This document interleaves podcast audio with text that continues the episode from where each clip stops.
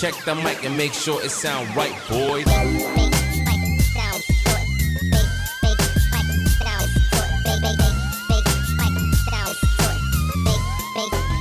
It sound right, boy. ثلاثة اثنين واحد. هلا هلا. والله شلونك حبيبي؟ الحمد لله بخير حبيب قلبي. أخبارك طيب؟ والله تمام تمام. الأمور زينة؟ زينة والحمد لله. الحمد لله. إيه. كيف كان الطريق؟ حلو. مم. كالعادة. كالعادة. كالعادة إيه. إيه، اليوم حلقة جديدة الحلقة الثامنة. حلقة جديدة موضوع جديد آه، حوار. إن شاء الله حيكون عميق وجديد بهاي إن شاء الله بإذن الله. حتى ندخل الموضوع مباشرة. الحلقة هي حتكون عن الاكتئاب موضوع الاكتئاب. بالتركيز طبعا والصحة النفسية بصورة عامة يعني. مم. بس هو يكون تركيزنا حن نحاول نرجع دائما على الاكتئاب. تمام. اي ف يعني آه، موضوع الاكتئاب هو موضوع طبعا من المواضيع اللي هي حاليا مأثرة بأعداد كبيرة من الناس يعني. صحيح. ومشكلة صراحة. مم. مشكلة يعني ال- الكل بمرحلة من حياتهم ممكن حيعانون من عندها. آه، وأكو ناس يعانون من عندها بصورة أكثر من البقية. أكو ناس عندهم هذا الشيء حاد ودائم ومستمر وأكو ناس يجيهم بس بفترات من الزمن يعني إنه بمرحلة إنه واحد يدخل بحزن شديد أو كذا. فيؤدي إلى الاكتئاب مم. بس إحنا جينا راح نناقش الموضوع اليوم من ناحية وجهة نظرنا إحنا إنه شنو الحلول المتوفرة للشخص لما يكون مك- مكتئب. وشلون المجتمع العلمي يعامل الاكتئاب إي يعني مفاهيمه مفاهيم الاكتئاب إيش معنى الاكتئاب أو العلم آه، وصل لمفهوم معين اجتمعوا أي. آه عليه. ف... فالعلم زي ما تفضلت أخوي ذا الفقار آه شايف الاكتئاب هو مشكلة آه نقول تغيرات تصير في في العقل أو في الدماغ. أي. اللي هو مثلا نقص في الس... ما الهرمون السيروتونين أو مادة السيروتونين.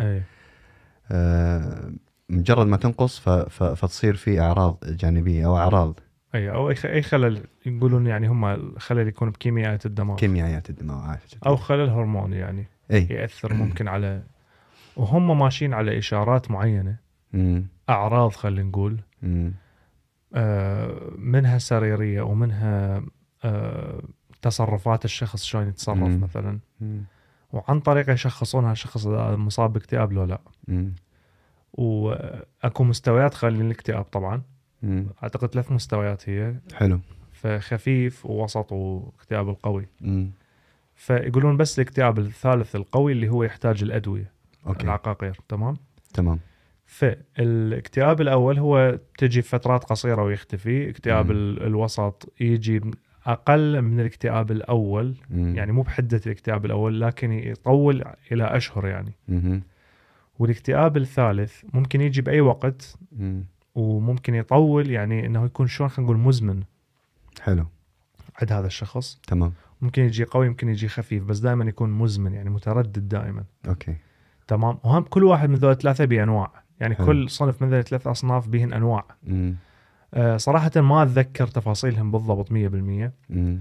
وإحنا ما نريد ندخل بهاي التفاصيل هم يعني إحنا نريد نحكي كل كلها بصورة عامة. إي ب... ممكن نتكلم شوي عن الأعراض يعني. الأعراض مثلا اللي اللي آه، المجتمع العلمي مركز عليها هي مثلا إنه لو قلنا الأعراض الجسدية لو آه، إنه الإنسان يحس بإرهاق آه، يحس بتعب يحس. ب...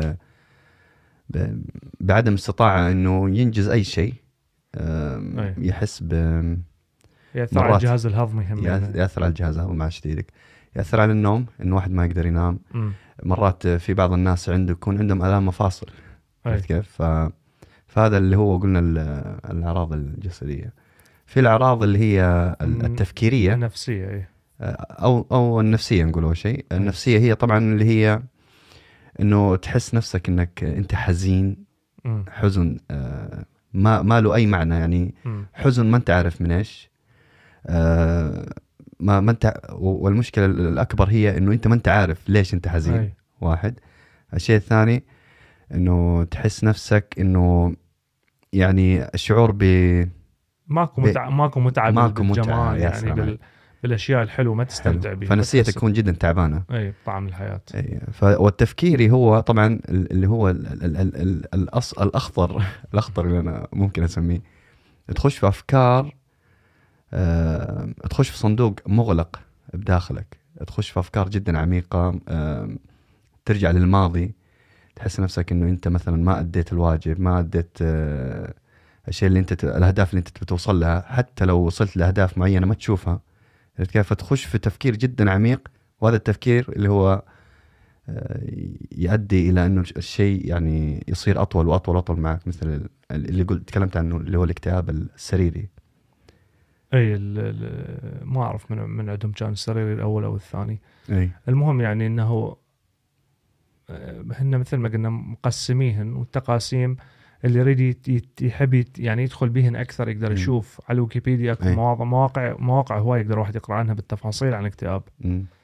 بس المشكلة وين؟ إنه إذا رجع إحنا تقريبا عرفنا الاكتئاب شنو إي اللي هي الأعراض و... أعراض وكل شيء. وكذا ومثل ما قلنا المجتمع العلمي يقول إنه هي خلل بالهرمونات ممكن آه، لخبطة بكيميائية الدماغ مم. بس المشكلة ما يقدرون يقيسون هذا الشيء عن طريق تحليل أو عن. طريق فحص معين للجسم مم. هم مجرد يسموه آه، يعني هو داخل بموضوع الدراسات ال- الإحصائية مم. فهم ربطوا وشافوا ك- يعني أكثر الناس اللي عندهم مثلا صعوبة بال- بالنوم وعسر بالهضم وحزن دائم وكذا مم. فصنفوه إنه اكتئاب مم. يعني سووا إحصاء خلينا نقول على الناس مم. إي وهاي القياسات اللي هم ماشيين عليها من ضمنها يقدرون يشخصون هذا الشخص عنده اكتئاب ويكتبوا له مثلا علاج تمام. دواء أو مثلا إذا ما يحتاج علاج يكتبوا له يعالج طبيب نفسي مثلا مم. يسوي له. آه، نوعا ما علاج نفسي يعني. حلو. تمام؟ آه، ف آه، قلنا إحنا فس شرحنا تقريبا الاكتئاب شنو؟ إي. آه، أسباب الاكتئاب. أسباب الاكتئاب. طبعا مو... زي ما قلنا المجتمع العلمي أرجع مرة ثانية تركيزهم كان فقط في آه، في الأعراض. فأنت لما تيجي تجيله تروح للدكتور نفساني أي. تيجي تقول له مثلا إنه أنا عندي هذا الشعور ما ما أقدر أنام أو أنام عدد ساعات جدا قليلة وما اعتبر هذا نوم لأنه أنا أتقلب يمين يسار. عندي أفكار كثيرة مزعجة و... وماني عارف إيش أسوي طبعا آه، الشيء الأول اللي اللي حيهتم فيه هو الأعراض. حيمشي ورا الأعراض هذه. أكيد. تمام؟ و... وبعد كده ممكن يسألوا أسئلة مثل طيب متى يجيك؟ طيب إيش الشيء اللي مثلا سويته قبل ما يجيك؟ عرفت كيف؟ هذه الأشياء اللي هي آه، نقول أسباب أسباب للاكتئاب. تمام. بس آه، الشيء اللي هم ما هم مركزين عليه هي المشكلة الأساسية. مثلا يعني لما تيجي ترجع. لل... لل... للسايكولوجي للف... لفرويد مثلا مم. يتكلم عن عن الطفولة عن مشاكل الطفولة عن الأشياء هذه أي. ما للأسف حاليا الدكاترة النفسيين ما ما ما يرجعوا للمشكلة الأساسية وين يركزوا دائما على الأعراض وبعد كده الأعراض لأنه ما ما حتلاقي لها حل طبعا فتخش موضوع الأدوية بعدها زي ما قلنا أول كم كانت سنة سنة بعدين قلت اي هذا كان عندهم ال- الرفرنس اللي هو خلينا نقول التعليمات شلون واحد شو وقت ينطي الدكتور دواء لل- للمريض بالاكتئاب. اي فخلوا مثل الجايد أو ريفرنس يمشي مم. عليه. فقالوا إذا ال- الاكتئاب طول لمدة سنة بعد السنة يلا يبدا ياخذ علاج تمام؟ حلو. آه هو هذا طبعا داخل بموضوع الاكتئاب آه خلينا نقول اللي هو جاي عن طريق آم، الحزن أو الموقف المعين مم. الصدمة مثلا اللي مرت هذا الشخص تراوما فقد أحد أو مم. خسر عمله أو صار عنده موضوع طلاق هذا حلو. الشخص فقالوا إنه هذا الشخص يحزن الحزن مالته ممكن يطول لمدة سنة بعد مم. السنة إذا استمر فممكن نعطيه ال- الدواء هذا يعني مم. بعدين شافوا الموضوع ما ينفع يعني مم. قللوا المدة ما ينفع شنو قصدي يعني ما ينفع إنه ما ينفع بموضوع مبيعات الأدوية هنا راح ندخل بالمؤامرة ما مؤامرة وكذا بس مم. يعني إحنا كل شيء نعرفه عبارة عن تجارة صراحة. اي اي للأسف. وأنا أنا مقتنع بهالموضوع لأنه اكو من نشوف مثلا بعض الأمور الثانية أنا وياك من مهتمين بموضوع الأكل والغذاء والهايه فشفنا أغلب الأطباء يحكون على مو... على مرضى السكر مثلا. يقول يقول إحنا مجرد نعالج المشكلة نعالج الأعراض يعني. اي يعني وقتي الآن يعني. اي الآن. مثلا ارتفع عندك السكر نعطيك شيء ينزل السكر عندك. تمام؟ الفترة هذه. مم. راح يقولوا لك لا تاكل سكر وكذا بس آه، يقلل من السكر. هم ما يقول لك لا تاكل. لا تاكل يقول لك قلل من السكر قلل من السكر. مو هي هنا أي. الإشكالية. يقول لك قلل من السكر فأنت تاكل السكر بس أي. كلمة تقلل بالنسبة لي ممكن معلقة واحدة وبالنسبة لك ممكن 20 بالضبط. معلقة. عرفت كيف؟ اي بس هي المشكلة الأساسية هو أصلا خرب ال system مالته الجهاز مالته كله جسمه هو تلف بسبب أكل الكميات من السكر. فهي هذه يرجع المشكلة الأساسية زي ما قلت. فبالعكس يعني لو أنا أشوف إنه يقول له أنا مو دكتور ولا طبيب ولا ولا عندي أي خبرة خلينا نقول بهذا المجال مم. بس بس أشوف إنه لا أشدد عليه أكثر إنه لا تأكل هاي الأشياء مم. يعني مم. لأن هي بالنهاية هو أكل يعني يعني أنت شنو تريد من الأكل؟ تريد ينطيك طاقة مم. فيعني ليش إنه أنت قاعد تأكل أشياء مجرد لل- للمتعة وهي صحيح. هي تأذيك وتأخذ صحيح. مقابلها أدوية حتى توازن السكر بجسمك اي والمشكلة إنه هذه عندها أعراض نرجع لموضوع ال depression يعني مثلا الآن وصلت مرحلة إنك تأخذ آه، يسموها ال anti-depressant مضادات اكتئاب إي مضادات اكتئاب حلو آه، توصل هذه المرحلة إنك تأخذ مضادات, مضادات الاكتئاب حيصير إيش اللي حيصير في جسمك؟ حيرتفع نسبة ال- السيروتونين في جسمك أو في, في الدماغ فحتحس بالراحة هذه اللي هي إنك مرتاح مؤقتا أمورك زينة حلو بس عندها أعراض جانبية عرفت. كيف؟ وأعراضها الجانبية للأسف تأثر حتى يعني منها السمنة منها التعرق الزايد منها. آه، أشياء آه، وجودية يعني ضعف أشياء الجنسي ما ضعف الجنسي. الجنسي. أشياء آه. حتزيد الاكتئاب في عشرة. بالضبط. مو هي هذه الإشكالية. الإشكالية إنه أنا لما أجي أركز على الأعراض عرفت كيف؟ وأشوف إنه في آه، مشكلة معينة بحلها الآن بس وما يهمني إنه أحل المشكلة من الأساس فاحلها الآن. حزيد الدوس لأنه جسمنا دائما يسوي أدابت دائما يحاول إنه طبعا. آه، يحتاج أكثر وأكثر وأكثر. مثل مثل اي اي أي إدمان يعني تدخين الكل شيء من تبدي تبدي بجرعات صغيرة. يا سلام عليك. بعدين تزيد تزيد حتى حتى عقلك يعني تعود بعد على هاي المادة فتبدي تزيد حتى تحس بيها أكثر يعني. إيه. فنفس الشيء موضوع الاكتئاب. حزيد يزيد الطبيب الجرعة أمم. حتى يشتغل وراح يرجع بعد فترة يرجع للطبيب بحس ماكو فايدة يرجع يزيد الجرعة إلى أن يوصل مرحلة حسب اللي سمعناه أو قريناه إنه مم. هذا الشخص خلص ينهار يعني إي يعني أنا أعرف آه، واحدة. أخذت آه، الأدوية هذه فترة قل عندها آه، عفوا زادت الجرعة وزادت وزادت وصلت مرحلة إنه إنه زي ما قلت لك زادت في الوزن صار عندها مشاكل إنه مثلا يعني موضوع النوم برضو خرب عندها ليش؟ لأنه ال- الجرعة اللي أخذتها ما ما صارت تنفع فوصلت مرحلة إنه إنه صارت صار إحساس ال ال ال الاكتئاب جدا قوي وصارت تخش مراحل إنه تبدأ تفكر بالانتحار تمام آه، فهو هذا الموضوع إنه إحنا مشكلة الطب الآن للأسف زي ما قلت هو تجاري. ما يشوفوا المشكلة من البداية يعني بالنسبة لهم أنت سلعة عرفت. كيف؟ جيت بمرضهم طالب المساعدة الشيء الوحيد اللي يقدر يدوك إياه هو الدواء على أساس إنه أنا كل شوية أجي نعم. حتى لو مو أنا اللي قاعد أدفعه الحكومة قاعد تدفعه طبعا خل... خلينا نكون واضحين إحنا إحنا مشكلة الطب إحنا ما قاعد نحكي على الطبيب نفسه اللي يعالج لا، لا، إحنا على قاعد ال system نحكي. على ال system حتى دراسة الطبيب من الأساس مهم.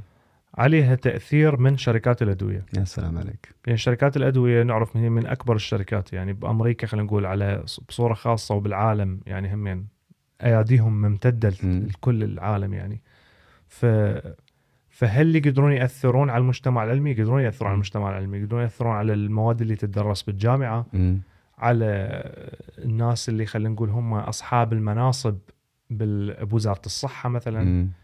بأمريكا أو أو يعني خلينا نقول مسؤولين كبار يا أخي فأكو تأثيرات أكو تأثيرات من من عندهم حتصير تمام مم. فإحنا ما قاعد نحكي على الطبيب العادي اللي هو ممكن يكون قصده يعني أكيد شريف قصده أكيد، شريف أكيد. آه، قصده إنه يساعد الناس مم. بس المشكلة بالأساس هي من التعليم نفسه. مم. زين؟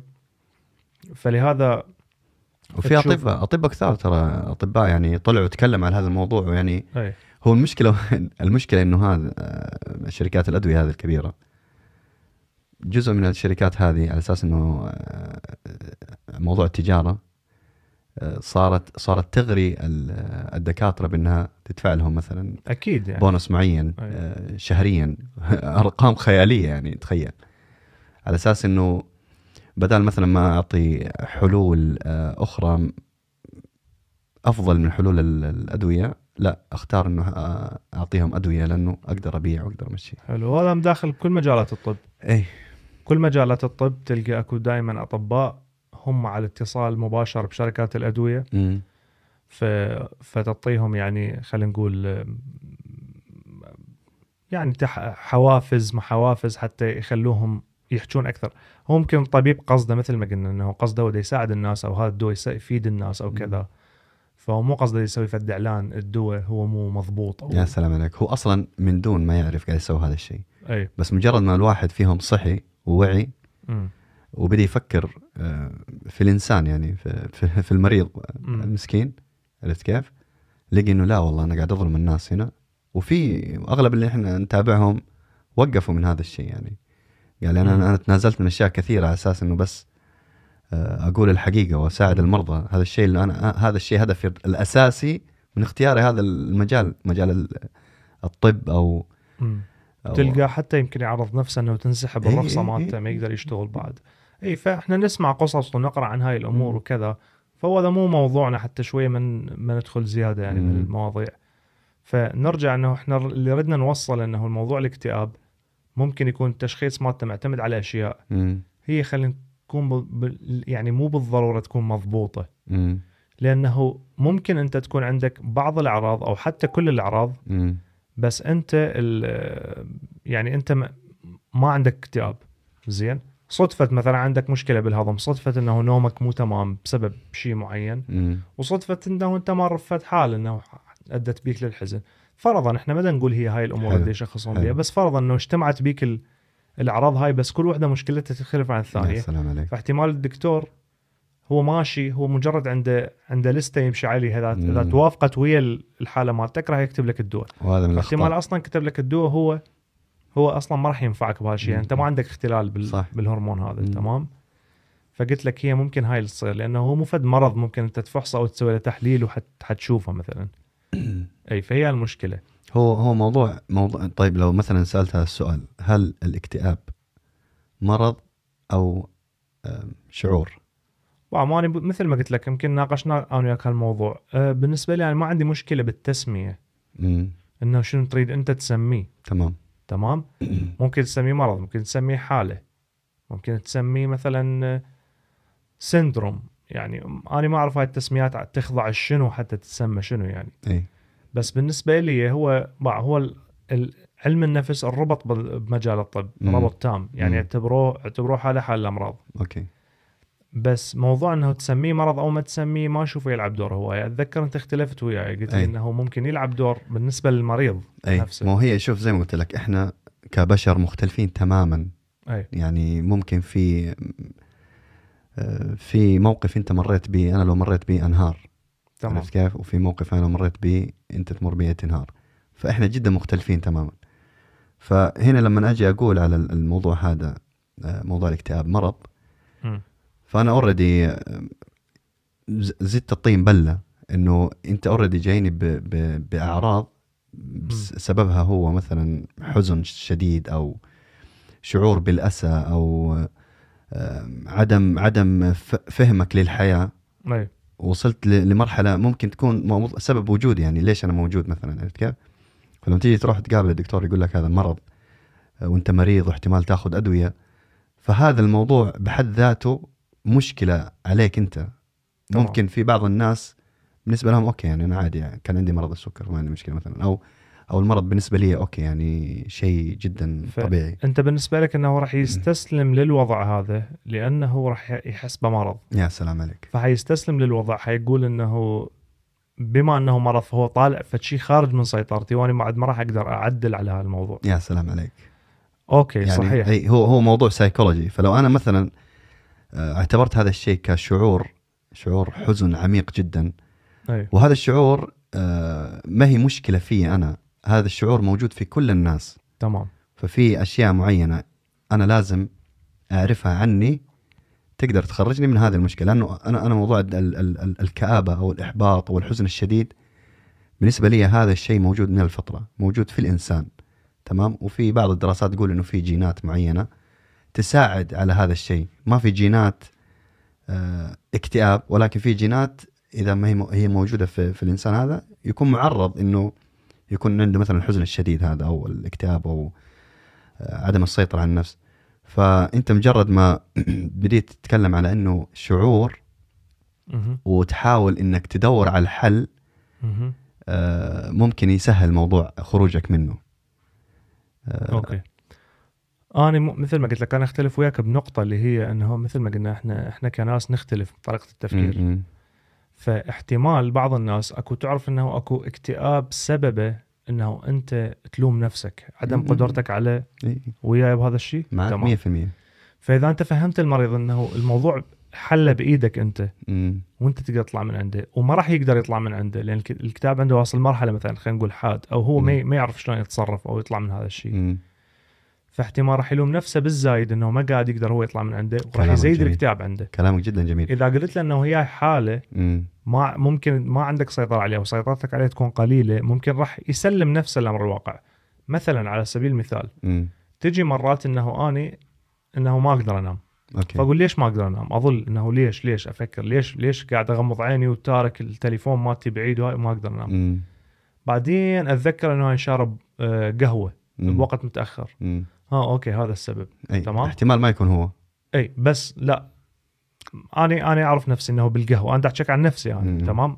هذا السبب. فشو أسوي؟ أستسلم لامر الواقع ما اظل الوم نفسي. ليش ما أقدر أنام؟ ليش ما أقدر أنام؟ ليش؟ شنو المشكلة؟ وكذا. أظل.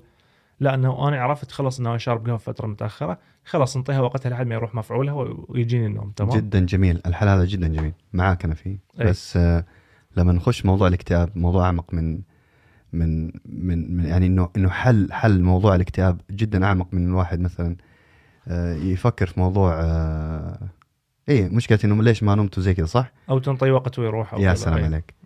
مشكلة الاكتئاب هي مشكلة وجودية يعني زي ما قلنا الأشياء من الأشياء اللي اللي تسبب الاكتئاب هي مثلا نقول واحد آه، مثلا مر بظرف جدا قاسي ما ما ما قدر ما قدر ينساه. آه، أو أحد آه، عزيز عليه توفى توفى يعني أو مات. أو مثلا آه، كان عنده هدف معين ما وصل له. أو آه، ما عنده ثقة آه، بنفسه. صار مجرد ما صار عنده ثقة بنفسه ما صار عنده ثقة بالآخرين فشاف إن الدنيا سوداء. والحياة مو حلوة وكذا خلاص. تمام. فهذه المشكلة زي ما قلت المشكلة هذه ترجع مرة ثانية للشخص نفسه. هي هي هي زي ما زي ما فتحت لك موضوع السيلف ايمج عرفت. كيف؟ فهي في مشكلة آه، موجودة في نفس الشخص. يعني مثلا الآن العوامل اللي تساعد على آه، تكبير هذه المشكلة هي العوامل الخارجية. okay. حاليا حاليا ال- social media آه، ليش مثلا تشوف ال- اللي اللي, اللي بجيلنا ما عندهم كمية آه، ال- ال- ال- الصعوبة في إنهم يخرجوا من موضوع الاكتئاب زي زي أطفال أعمارهم في ال 14 في ال 15 آه،. سنة عرفت كيف؟ أنا وأنت جينا على على بداية أو على يعني كنا واعيين لما دخلنا على موضوع ال social. media وكان. في نوع من الرقابة مثلا من الأهل زي كذا بس آه، اليوم طفل عمره بالخمس سنوات تلقاه داخل و... وخاش البحر الكبير هذا اللي يعني اللي يكبر مرات أو يجي الوعي ويا ال- يكبر أو يبلغ ويا ويا هاي التكنولوجيا نفسها يا سلام عليك فراح يتأثر بها أكثر يا سلام. عليك فلما يجي مثلا الآن الشيء اللي أنا دائما أشوفه الصح هو الشيء اللي يقدموه لي إياه في ال social media. مثلا ال- ال- الولد اللي يكون مع السياره الفراري.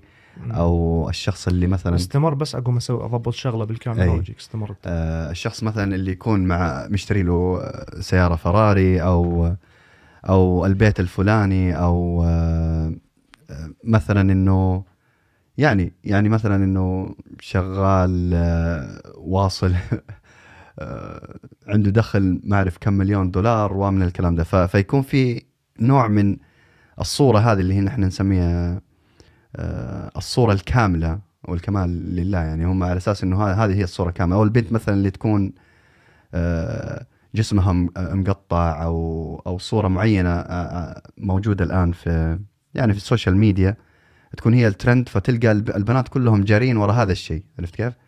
تلقاهم جارين آه، يبغوا يوصلوا إلى إنهم آه، يكونوا هذا الشخص أو مقارب لهذا الشخص. فحياخذ منهم طاقة جدا قوية. ليه؟ لأنه الشخص اللي اللي اللي ورا الكاميرا هذه شغلته شغلته إنه آه، يصير هذا الشيء. يعني يعني ساب كل شيء في حياته ومثلا راح سوت العمليات وراح سوت آه، التمارين اللي هي كل يوم تمرين وعندها مدرب وعندها شغلات بس على أساس إنه تشتهر في في ال social media. فلما مثلا تلاقي إنه هذه الصورة آه، هي الصورة الكاملة الموجودة مثلا عند من ال social media فأنا هدفي الأول حيكون إنه أوصل لهذا الشيء وهذا الشيء ممكن ما يكون من المستحيلات ولكن ال lifestyle حقك ما يسمح هذا الشيء. مثلا أنت المكان اللي أنت فيه ما يسمح لهذا الشيء أو مثلا ال- الإمكانية أي. اللي أنت عندك ما تسمح بهذا الشيء.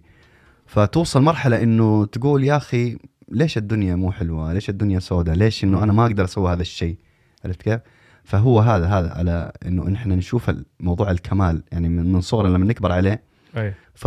فنحسب إنه هذا هو هدفنا في الحياة. أو هي الحياة. الطبيعية يا يعني. سلام عليك. تمام. نرجع فاهمك أنا من هاي الناحية. هي هاي الموضوع يندرج آه، طبعا تحت موضوع الأسباب أو المسببات الاكتئاب بهذا الفترة مالتنا اللي إحنا بيها.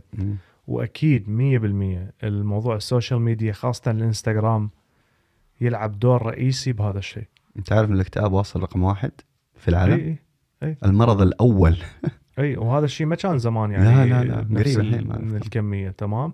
ف فيعني إنه الموضوع نرجع له بعدين هم يعني نشدد عليه بموضوع الحلول وهي من ضمنها القناعة. إي.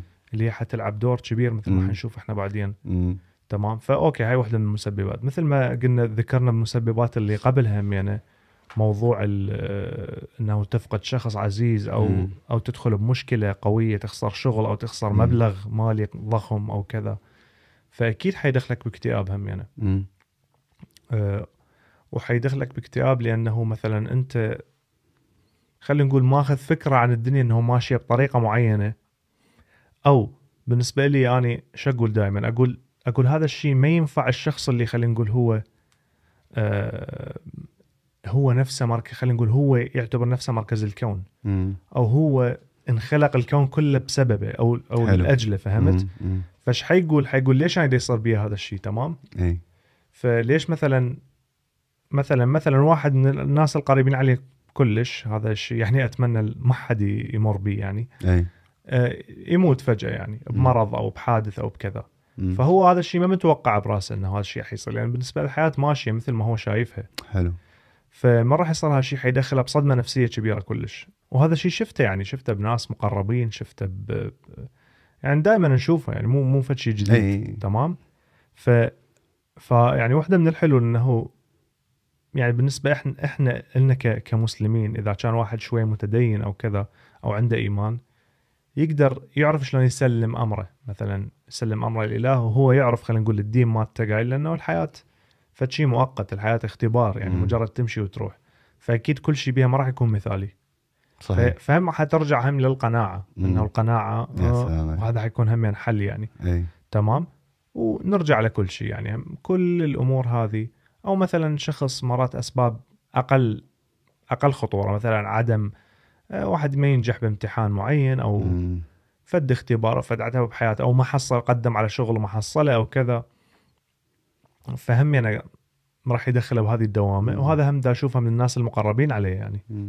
زين أنا نفسي مرات أمر بيها إنه بس بالنسبة لي الموضوع مو كلش مو كلش خلينا نقول مسألة حياة أو موت مم. يعني ما أقول لك يدخلني باكتئاب بس إنه أكيد واحد يحزن من عنده امتحانه ما ينجح بيه وكذا مم. بس يمكن راح يطول عندي ساعات بس ويروح ال... سبحان الله كلام واحدة قالت لي قالت لي للأسف آه الإنسان حاليا في ضعف ضعيفين ضعيفين جدا يعني مقارنة ب- بالشعوب القديمة أو بالأجيال القديمة. الج- الأجيال هذه اللي بعدنا أو حتى أجيالنا آه، في عندهم نوع من الضعف لأنه في بعض بعض بعض الناس أو وأنت ت- تلاحظ ال- ال- مشكلة الاكتئاب تلقاها في في المجتمعات ال- الغنية في المجتمعات اللي أي أي. اللي عندهم الراحة التامة مثلا. صح ف... فقالت إنه إحنا كبرنا على هذه الراحة فبالنسبة لنا أي شيء خاطئ يمشي في مسارنا ممكن يدخلنا في موضوع آه، الاكتئاب أو. ال depression مثلا الآن لو تجي مثلا تشوف في المناطق اللي هي في أفريقيا أو في ما أقول لك إنه مو موجود أكيد يعني موجود بس ب- ب- بقلة يعني.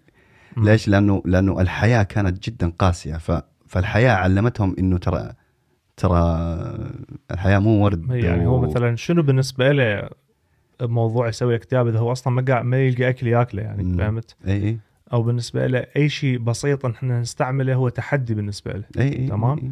فأكيد ما راح يخليه يفكر بأشياء مثل اللي إحنا نفكر يا بيها سلام عليك ليش هذا نحيف وأنا عندي كرش وليش أي- هذا أي- ما أعرف شنو إي إي إي فهمت؟ فأكيد هو هو أصلا هو بحالة هو بحالة خلينا نقول بال survival mode مو هو على طول يعني مم. تمام؟ فلهذا السبب تلقى عندهم اكتئاب أقل نسبة الانتحار أقل نسبة الانتحار دائما تلقى بالدول المرتاحة يعني اي مستقرة إي. ف...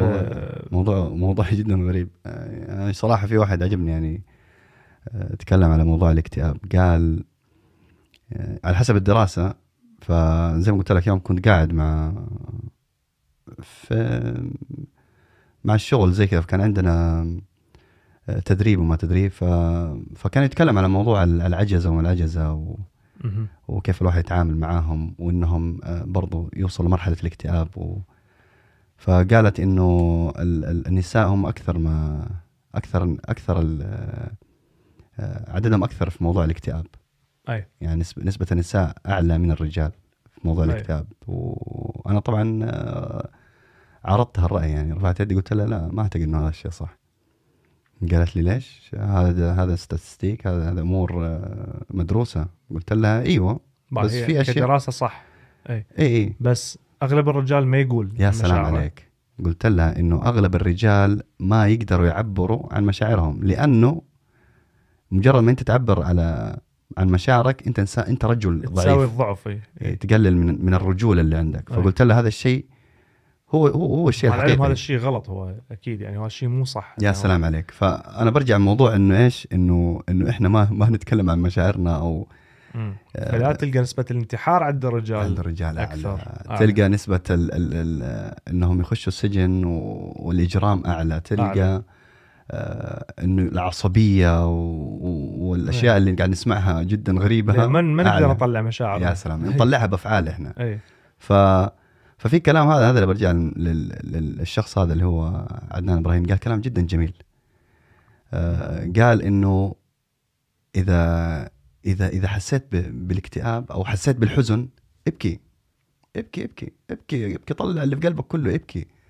آه، قاعد مثلا قاعد حتى حتى قال لي كلام حلو. يعني قال أنت مثلا الآن قاعد قال تقرأ قرآن فقال حاول إنك تدخل نفسك في في في في, في, في موضوع الحزن. ليه؟ لأنه لأنه أنت أنت مرات لما تتواصل مع رب العالمين أنت بتطلع اللي في قلبك كله. ف فلما تيجي تبكي تشيل قال عبء كبير جدا من نفسك. 100% صح. فكل إنسان زي ما قلت لك يقدر يتعامل مع موضوع الاكتئاب بطريقته. وهي هذه إنه إنه هي المشكلة الأساسية حتكون مشكلة ما إحنا ما عارفين يعني مثلا أنا ليش مكتئب؟ الأغلبية تقول لهم أنت ليش مكتئب؟ يقول لك ما أدري والله. حاسس نفسي بس إنه ما. ماني عارف يعني. حاسس نفسي إنه أنا دائما غلطان. حاسس نفسي إنه لوم النفس زي ما قلت. وهي هاي همنا مشكلة الحلول الطبية اللي حكينا عنها. واحدة من الم- المشاكل مثل ما قلنا. تحتاج أنت تفرغ تطلع همك يا تمام؟ سلام عليك. ف آه، من تطلع همك أنا دائما أقول الإنسان مهم يكون عنده إنسان قريب عليه بحياته يسمع. له تمام. آه فلهذا السبب أكو ناس هسه بزمننا الحديث الناس تشتغل ما عندها ما عندها مثلا أنا ما ما عندي أحد إلى وقتي. حتى يقعد وياي ويسمعني وكذا. فشو أسوي أروح أدفع ال- الطبيب نفسي أو أو المعالج نفسي أو ثيرابيست أو تمام مم. بس مجرد يسمع مشاكلي ويعطيني حلول تمام المشكلة هذا الموضوع إنه هو موضوع هم هو المعالج النفسي يعتبره شغل بالنسبة له مم. فبالنسبة له أنت مجرد وقت مم. أنت جهد بالنسبة له يكمل شغله حتى لو كان هو قوي بشغله وزين وتمام مم. فما راح ينطيك الراحة النفسية مثل ما ينطيها واحد يحبك من صدق يقول لك بدون مقابل دا ينصحك أو دا يقول لك أو دا يسمع من عندك بدون مقابل تمام فنرجع لموضوع الإيمان ما مم. عندك أحد تقدر ترجع لرب العالمين إذا أنت. مؤمن إنه هو دا يسمعك مم. و وعلى أنت على تواصل مباشر وياه تمام؟ مم. فترجع لرب العالمين ما تحتاج لا ثيرابيست لا تحتاج أي أحد زين يسمعك أحسن من ما إلهك اللي هو خلقك تمام؟ مم. واللي هو أعلم بكل شيء بحياتك. يا سلام. زين؟ فالإيمان هنا بالنسبة لي أشوفه يلعب دور جدا قوي جداً بموضوع جدا قوي. الاستقرار النفسي. يعني مثلا الآن كمحمد مرات أكيد يعني مرت في حياتي أيام يعني قبل جيتي في السويد أو في طريق السويد وصلت مرحلة إنه ليش هذا كله قاعد يصير؟ تعرف أنت كإنسان تجيك هذه الأسئلة لحظة ضعف فيه طبعا أيوه ليش ليش ليش قاعد يصير؟ إيش معنى أنا؟ إيش معنى أنا من كل الناس؟ إيش معنى هذه الأسئلة اللي اللي تحسها فتحس نفسك داون يعني تحس نفسك منتهي ف أي.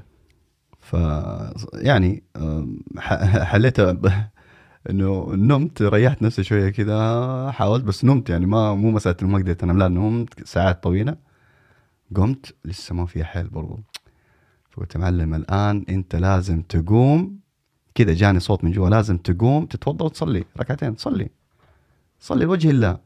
أي. سبحان الله يعني يعني حتى مرات في السجود والله يعني الواحد ما بيتكلم عن هذا الشيء كرياء وزي كذا ولكن عن جد يعني من من من من لا شيء تكون كذا بس ساجد فجأة كذا تبكي تنفجر. مم. لحالك. ما في أحد معك في مك يعني في المكان اللي أنت فيه ما في أحد معك. تنفجر تبكي. فهذه الأشياء للأسف ال ال يعني الكثير يفقدها. يعني هو هو يكون ضعف إيمان زي ما قلت. عدم إيمان بالنفس. طبعا. آه، اللي هو السيلف ايمج زي ما قلنا. يشوف نفسه دائما هو الغلطان. مهما وصلت في كتاب قريته قال آه الإنسان اللوام يكون مهما وصل من نجاح صار مثلا آه آه تاني أفضل لاعب كورة تمام ما في أحد جابه. غيره والأول يقول لا أنا منتهي وأنا ما عنده شعور. بالرضا يكون أيوه وصل الأول يبي يجيب مثلا البطولة الثانية بس ما جابها كان مصاب يخش في اكتئاب وزي كذا يعني عدم الرضا من النفس برضو يسبب آه، يعني سهولة جدا في الدخول لهذه الدوامه ال- ال- اللي ما لها نهاية مم، مع دوامه الأسف. السوداء هي أي. فزي ما قلت لك يعني موضوع الاكتئاب زي ما قلت لك هو هو حاليا إلى الآن هم عندهم إشكالية في فهم المشكلة الرئيسية لأنه زي ما قلنا في أسباب كثيرة تؤدي لهذا الشيء.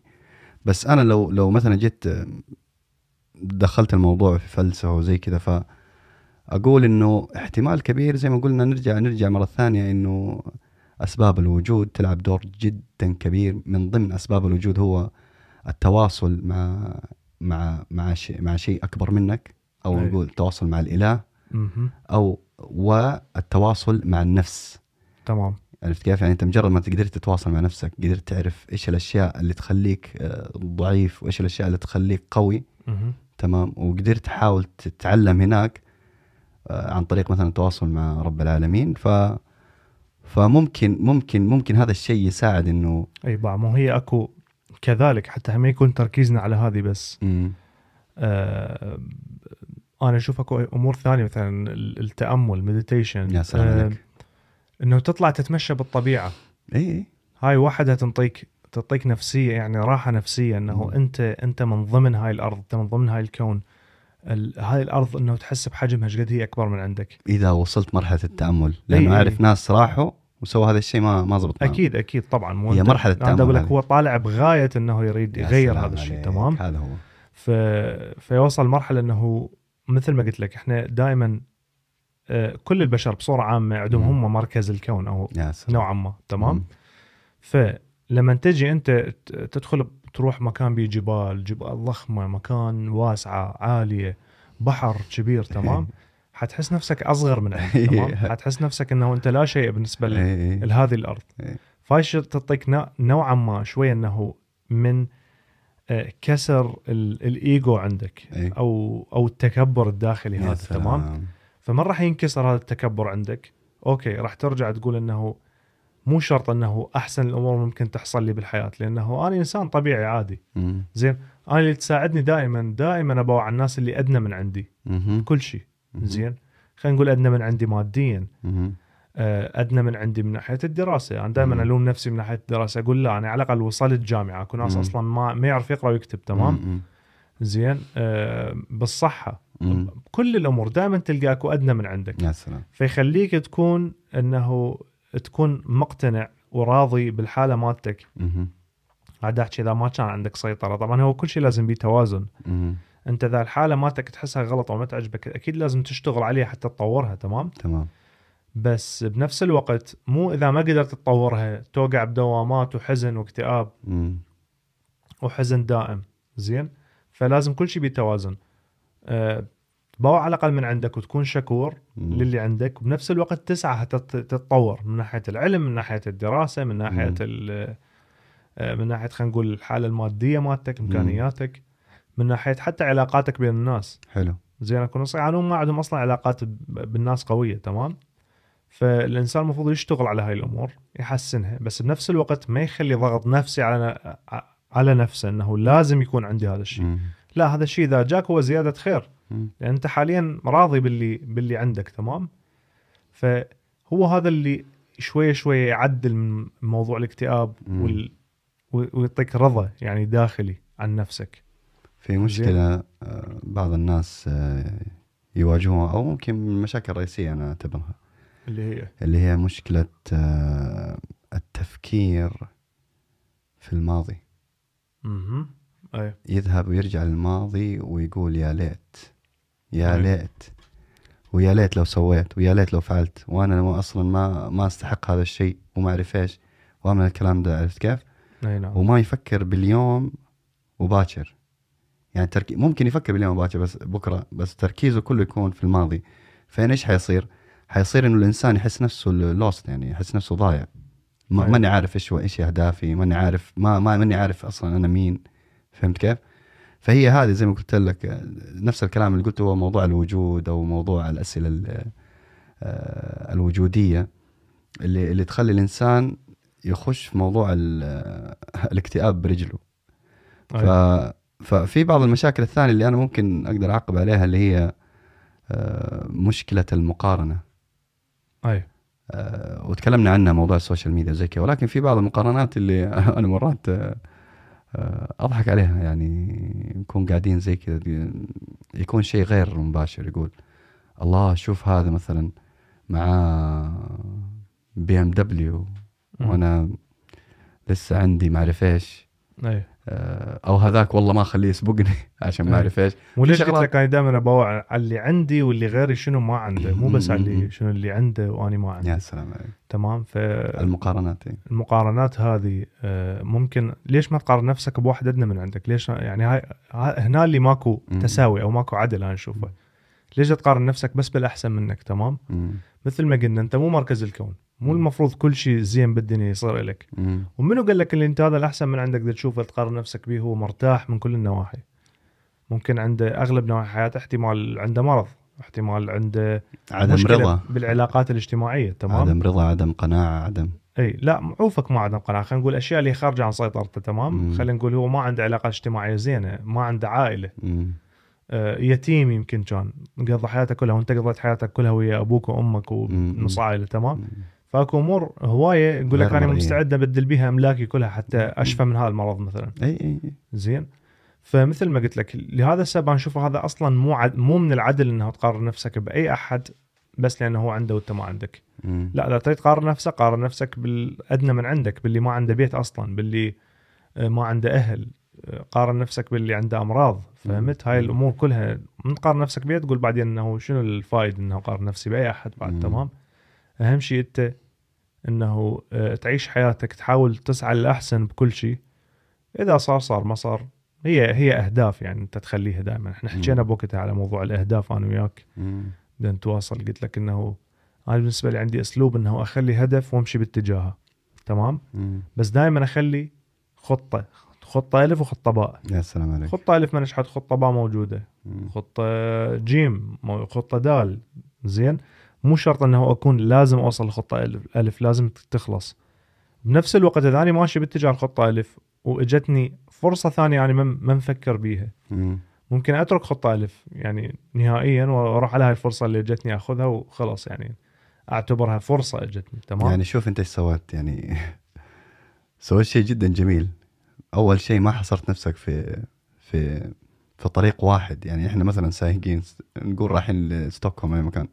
ما حصر نفسك في طريق واحد يمكن طريق واحد هذا يكون فيه له نوع سد أو مشكلة فحيأديك لطريق ثاني أصعب تمام أو أسهل فأنت أعطيت الخيارات هذه على أساس إنه تكون عندك راحة نفسية. باتجاه هذا الشيء يعني وما يكون عندك خوف جدا جدا حلو يعني طريقة التفكير آه، صراحة دائما. أنا أنا ماشي عليها يعني طول حياتي هذا الموضوع إنه مم. أمشي باتجاه هدف معين صار صار ما صار عندي عندي اخت- اختيار ثاني اختيار ثالث وكذلك. زين ومثل ما قلت لك ما يكون هذا الشيء الوحيد اللي بحياتي اللي. حياتي معتمدة عليه 100% لا هو مجرد فد شيء راح يحسن حياتي. إن صار صار إن ما صار أكو غير أشياء ممكن واحد يسويها تمام؟ أنا خالي قال لي كلام جميل. اكزاكت تقريبا نفس نفس الفلسفي حقك هذا. آه كنت قاعد معه في السيارة. آه الله يحفظه فجاء قال لي آه قال لي محمد موضوع التخطيط الاهداف قال لي أحط لك هدف رئيسي. جدا مهم. تحط لك هدف أنت تبغى توصل له هدف ال- الأول. ولكن في نفس الوقت لازم تحط أهداف صغيرة أمام هذا الهدف. حلو. وأهمية هذه الأهداف بأهمية الهدف الأول. الهدف ال- ال- الكبير اللي أنت بتوصل له مثلا انت بتصير طبيب تبغى تصير محامي أو تبغى تصير أي شيء مثلا تريده. فمثلا تبدأ من الأشياء البسيطة اللي عندك مثلا هدف ال- الأهداف اليومية. آه، مثلا هدفي إنه اليوم أسوي زي كذا. تنجح فيه تحس براحة نفسية. أنا هذا اللي عندي مشكلة بيه كان. يعني هسه شوي أحسن صار بس مم. هذا اللي كان عندي بيه مشكلة. اللي هو انه ما أفكر بال- بالأهداف القريبة. مم، فكر أخلي تركيزي على الأهداف البعيدة فقط. مم، فايش حيصير؟ الأهداف القريبة من تهملها. مم، حياتك حتتدهور. فحتبعدك أبعد على الهدف يا سلام عليك. مثلا أنا أحب هذا الدكتور جوردن بيترسون اللي بيترسون، هو إيه. أستاذ بعلم النفس آه، كندي. مم، فقال إنه لا تفكر إنه شو إيش قد راح يطلع معدلك أو شلون راح تنجح. فكر مثلا إنه اليوم لازم أغسل الصحون اللي عندي وأنظف الغرفة اللي سلام. أنا قاعد بيها تمام؟ مم، قبل ما تبدي بكل شيء فكر إنه لازم اني أغسل شو اسمه أو حتى قبل هاي فكر اليوم لازم أصحى ب 8 الصبح مم، زين؟ وقبلها بالليل أنام من وقت يعني ما أظل سهران مم. أنت بس مجرد ضبطت هاي هاي الخطوة إذا تروح بعد تروح على الخطوة الثانية إنه مم. أنظف البيئة مالتي المحيط مم. بديت تنظف وخليت عندك كروتين مم. إنه يوميا هذا الهدف مالتي. زين مم. بعدين تجي مثلا أنت شنو هدفك البعيد تريد تنجح فتخلي هدف عندك إنه اليوم لازم أخلص ساعتين دراسة مم. خلينا نقول سبحان هذا تسوي هدف مم. هذا مو تسوي فد شيء انه أنت اختياري لا لا هذا هدف حلو اليوم أنا هدفي من ساعة كذا ساعة كذا مم. تمام أخليه مم. خلي لي استراحه اخلي لي مثلا فترة لهو فترة لعب فترة كذا فترة تواصل ويا أحد أكيد مم. واحد ما يهمل حياته شو اسمه بس تخلي هاي الأهداف إنه لازم أنت تخلص هاي الأهداف مم. شوي شوي حتشوف نفسك إنه الهدف الأكبر عندك حيكون قريب جدا وممكن بدون تعب انت حتوصل له يعني بدون ما تبذل جهد يعني إنه انت حتوصل لهذا الهدف. يا سلام عليك. هذا الشيء اللي أنا اواجه به صعوبه كيف صراحة. كيف كيف تجي تربط هذا الحين بال- بال- بالاكتئاب بال؟ بالاكتئاب. بالاكتئاب. اي آه كربط بالاكتئاب آه انت كل ما قاعد تسوي شيء وقاعد تنجزه ينطيك آه، شو اسمه تمام بوست آه، مو مثل ما قلت لك أنا أنا موضوع الاكتئاب أنا أشوف بيه شنو؟ أشوف إنه هو يختلف طبعا من شخص لشخص،. ما نقدر نقول هي حالة واحدة وتنطبق على الكل، تمام؟ فاحتمال هذا الشخص اللي هو تريد نصحه مثلا ابدي بكذا ابدي بشيء بسيط، احتمال هو أصلا ما عنده ما عنده ال- الطاقة مو الطاقة أو ما أو هو أصلا أساسا هو ما يريد يعني هو ما هو ما عنده الإرادة، إرادة مالته صفر، تمام؟ إرادة مالته صفر إنه إنه يبدي يبدي مم. بأي شيء معين، مم. أه وأنا صراحة أنا أنا أنا شخصيا مريت بم- بمراحل بحياتي. مم. الحمد لله ما طولت بس تجيني مراحل إنه ما أريد آكل أصلا، ما أريد آه، أنظف أسناني، ما أريد أنظف المحيط مالتي اللي أنا بيه، الشعور. إي أريد بس أظل قاعد يا أما أتفرج تلفزيون بدون هدف. بس ما ما يكون عندك شعور مثلا آه، بالذنب بضيق بحزن هو ب- أصلا أنا عندي شعور سيء خلينا نقول. أوكي. عندي اكتئاب نوعا ما. ما أعرف إذا أنا أقدر أسميه اكتئاب أو مجرد هو فترة. تعدي. عليك إنه تكون بس دا أقول هذا أقرب شيء للاكتئاب حسيت. به. لأن هي هاي المسميات كلها الاكتئاب وغير الاكتئاب هي مسميات البشر آه، جابيها يعني إي إحنا كبشر طلعناها. ما يعني ما تقدر تنطيها فد معنى ثابت لأنه مم. من شخص لشخص تختلف شو مثلا خلينا نقول كلمة الحب الحب بالنسبة لك يختلف عن كلمة الحب بالنسبة لشخص. ثاني فنفس الشيء هاي كلها أنا أعتبرها تعتبر تشكيلية يعني مم. يعني يعني أمور abstract بس مم. مجرد إنه آه، ما هي ملموسة نقدر. نقربها نقدر نقربها الشيء حتى نستوعبه يا سلام فأني يعني تقريب للاكتئاب اللي اللي أنا استوعبته إنه أنا كنت قاعد مم. عندي فد موقف صار بحياتي معين مثل ما أوكي. قدرت أنجح بامتحان أو أي أي. صار عندي فقدان شخص أو كذا حالة مم. حزن تمام فتجيني مرحلة إنه ما أريد أسوي كل شيء يعني ما أريد أسوي كل شيء أريد أكون قاعد مثلا مرات أفكر مرات حتى ما أفكر. okay. زين؟ أتفرج أخلي مسلسل كامل أكمل أكمل ثلاث أجزاء وأنا قاعد. بس مجرد إنه حتى أكون فاصل عن العالم ال- اللي هو سبب لي هذا الشيء تمام؟ مم. بس بنفس الوقت الأمور البسيطة اللي بالحياة ما أسويها. مثلا ما أروح أفرش أسناني قبل ما أنام. مم. ما أنام بالوقت المناسب. okay. آه، ما أنام بالساعات المطلوبة. احتمال أنام أطول احتمال أنام أقصر تمام؟ آه، ما آكل ما أكل أصلا يعني ما اقوم أطبخ آكل فأكل أي شيء قدامي أشوفه سريع هيك بس مجرد حتى إنه آكل وخلص مم. تمام فحتى يدي بي إنه آكل أكل مو صحي آه، مرات أهمل مثلا فواتير لازم تندفع بوقت معين مم. مرات أهمل إنه إنه أتواصل ويا أحد ما متواصل وياه فترة طويلة تمام حلو أو أسوي فد آه، شيء معين المهم يعني إنه مم. تهمل أشياء ثانية فأنا بس بشوف أكو صعوبة إنه شخص عنده اكتئاب تجي تقول له والله انت حتى تطلع من اللي انت بيه لازم تبدي بشغلة بسيطة. إذا هو أصلا الشغله البسيطه ما يريد يبدي بيها. بس بالنسبة لي اشوفها حتساعده أكثر إنه يخليه يحكي بالمشكلة. مرات هو ما يعرف ليش أصلا هو حزين أو مكتئب. زين أكو أسئلة أعتقد نقدر نسألها لهذا الشخص. نقدر نخلي بيه نخليه بيها إنه آه، نقدر من خلال كلامه نوصل إنه شنو السبب اللي خلاه يكتئب. مثلا. سبب الحزن مالته. تمام؟ ثاني هو خلينا نقول ما يعرف هو ليش مكتئب. بس خلينا نقول هو مكتئب لأنه يعني ما ما حقق هدف معين تمام؟ بالنسبة لي يمكن هو الموضوع مو ببالة ما جاء على بالة بس هو بال بالذاكرة اللي هو أصلا ما يقدر يسيطر عليها مالته الداخلية. مم. بدماغه جوا يدور هذا الموضوع تمام؟ فأنت من تجي تقول له آه، أكو مرة أنا قريتها يقول لك اكتب أكثر تجيب ورقة واكتب بيها أكثر أشياء تحبها بنفسك. مم. وأكثر أشياء تكرهها بنفسك تمام؟ مم. وابدي باللي أنت تحبها بنفسك شنو؟ مم. فتبدي تبدي تبدي بعدين باللي تكرهها بنفسك هم تكتب النقاط تمام؟ فأنت من تجي كمعالج نفسي إذا واحد معالج نفسي يجي يقرأ النقاط هذه فيقدر يوصل للشخص شنو سبب اكتئابه أو شنو سبب؟ مثلا يشوفه هل دي يلوم نفسه هواية لما من دي يكتب إنه. زين هل هو دا يمدح نفسه بأشياء هو له الفضل مثلا شنو أشياء تحبها بنفسك؟ أحب شكلي. هذا مو شيء مو إنجاز يعني. مم. أنت أصلا ولدت بهالشكل. زين. أه، أحب مثلا ذوقي بالملابس. أوكي هذا فد شيء شكلي. ثاني لا شنو تحب نفسك؟ خلينا نقول حتى كمواقف. مثلا أحب أني إنه أحب أني أتواصل ويا الناس. أحب أني كذا كذا كذا كذا. بعدين ترجع الاشياء السلبيه ثان ما أحب إنه أني مو شاطر بالدراسة. ما. أحب إنه أني مو كذا. فحتلقاه يلوم نفسه بأشياء. فتشوف ال... شنو النقطة اللي هي مشتركة بالأشياء اللي يلوم بها. نفسه. من خلالها ممكن حتوصل سبب اكتئابه شنو؟ تمام؟ فتقدر تساعده على هذا الأساس. حلو. مثلا تعلمه مفهوم القناعة.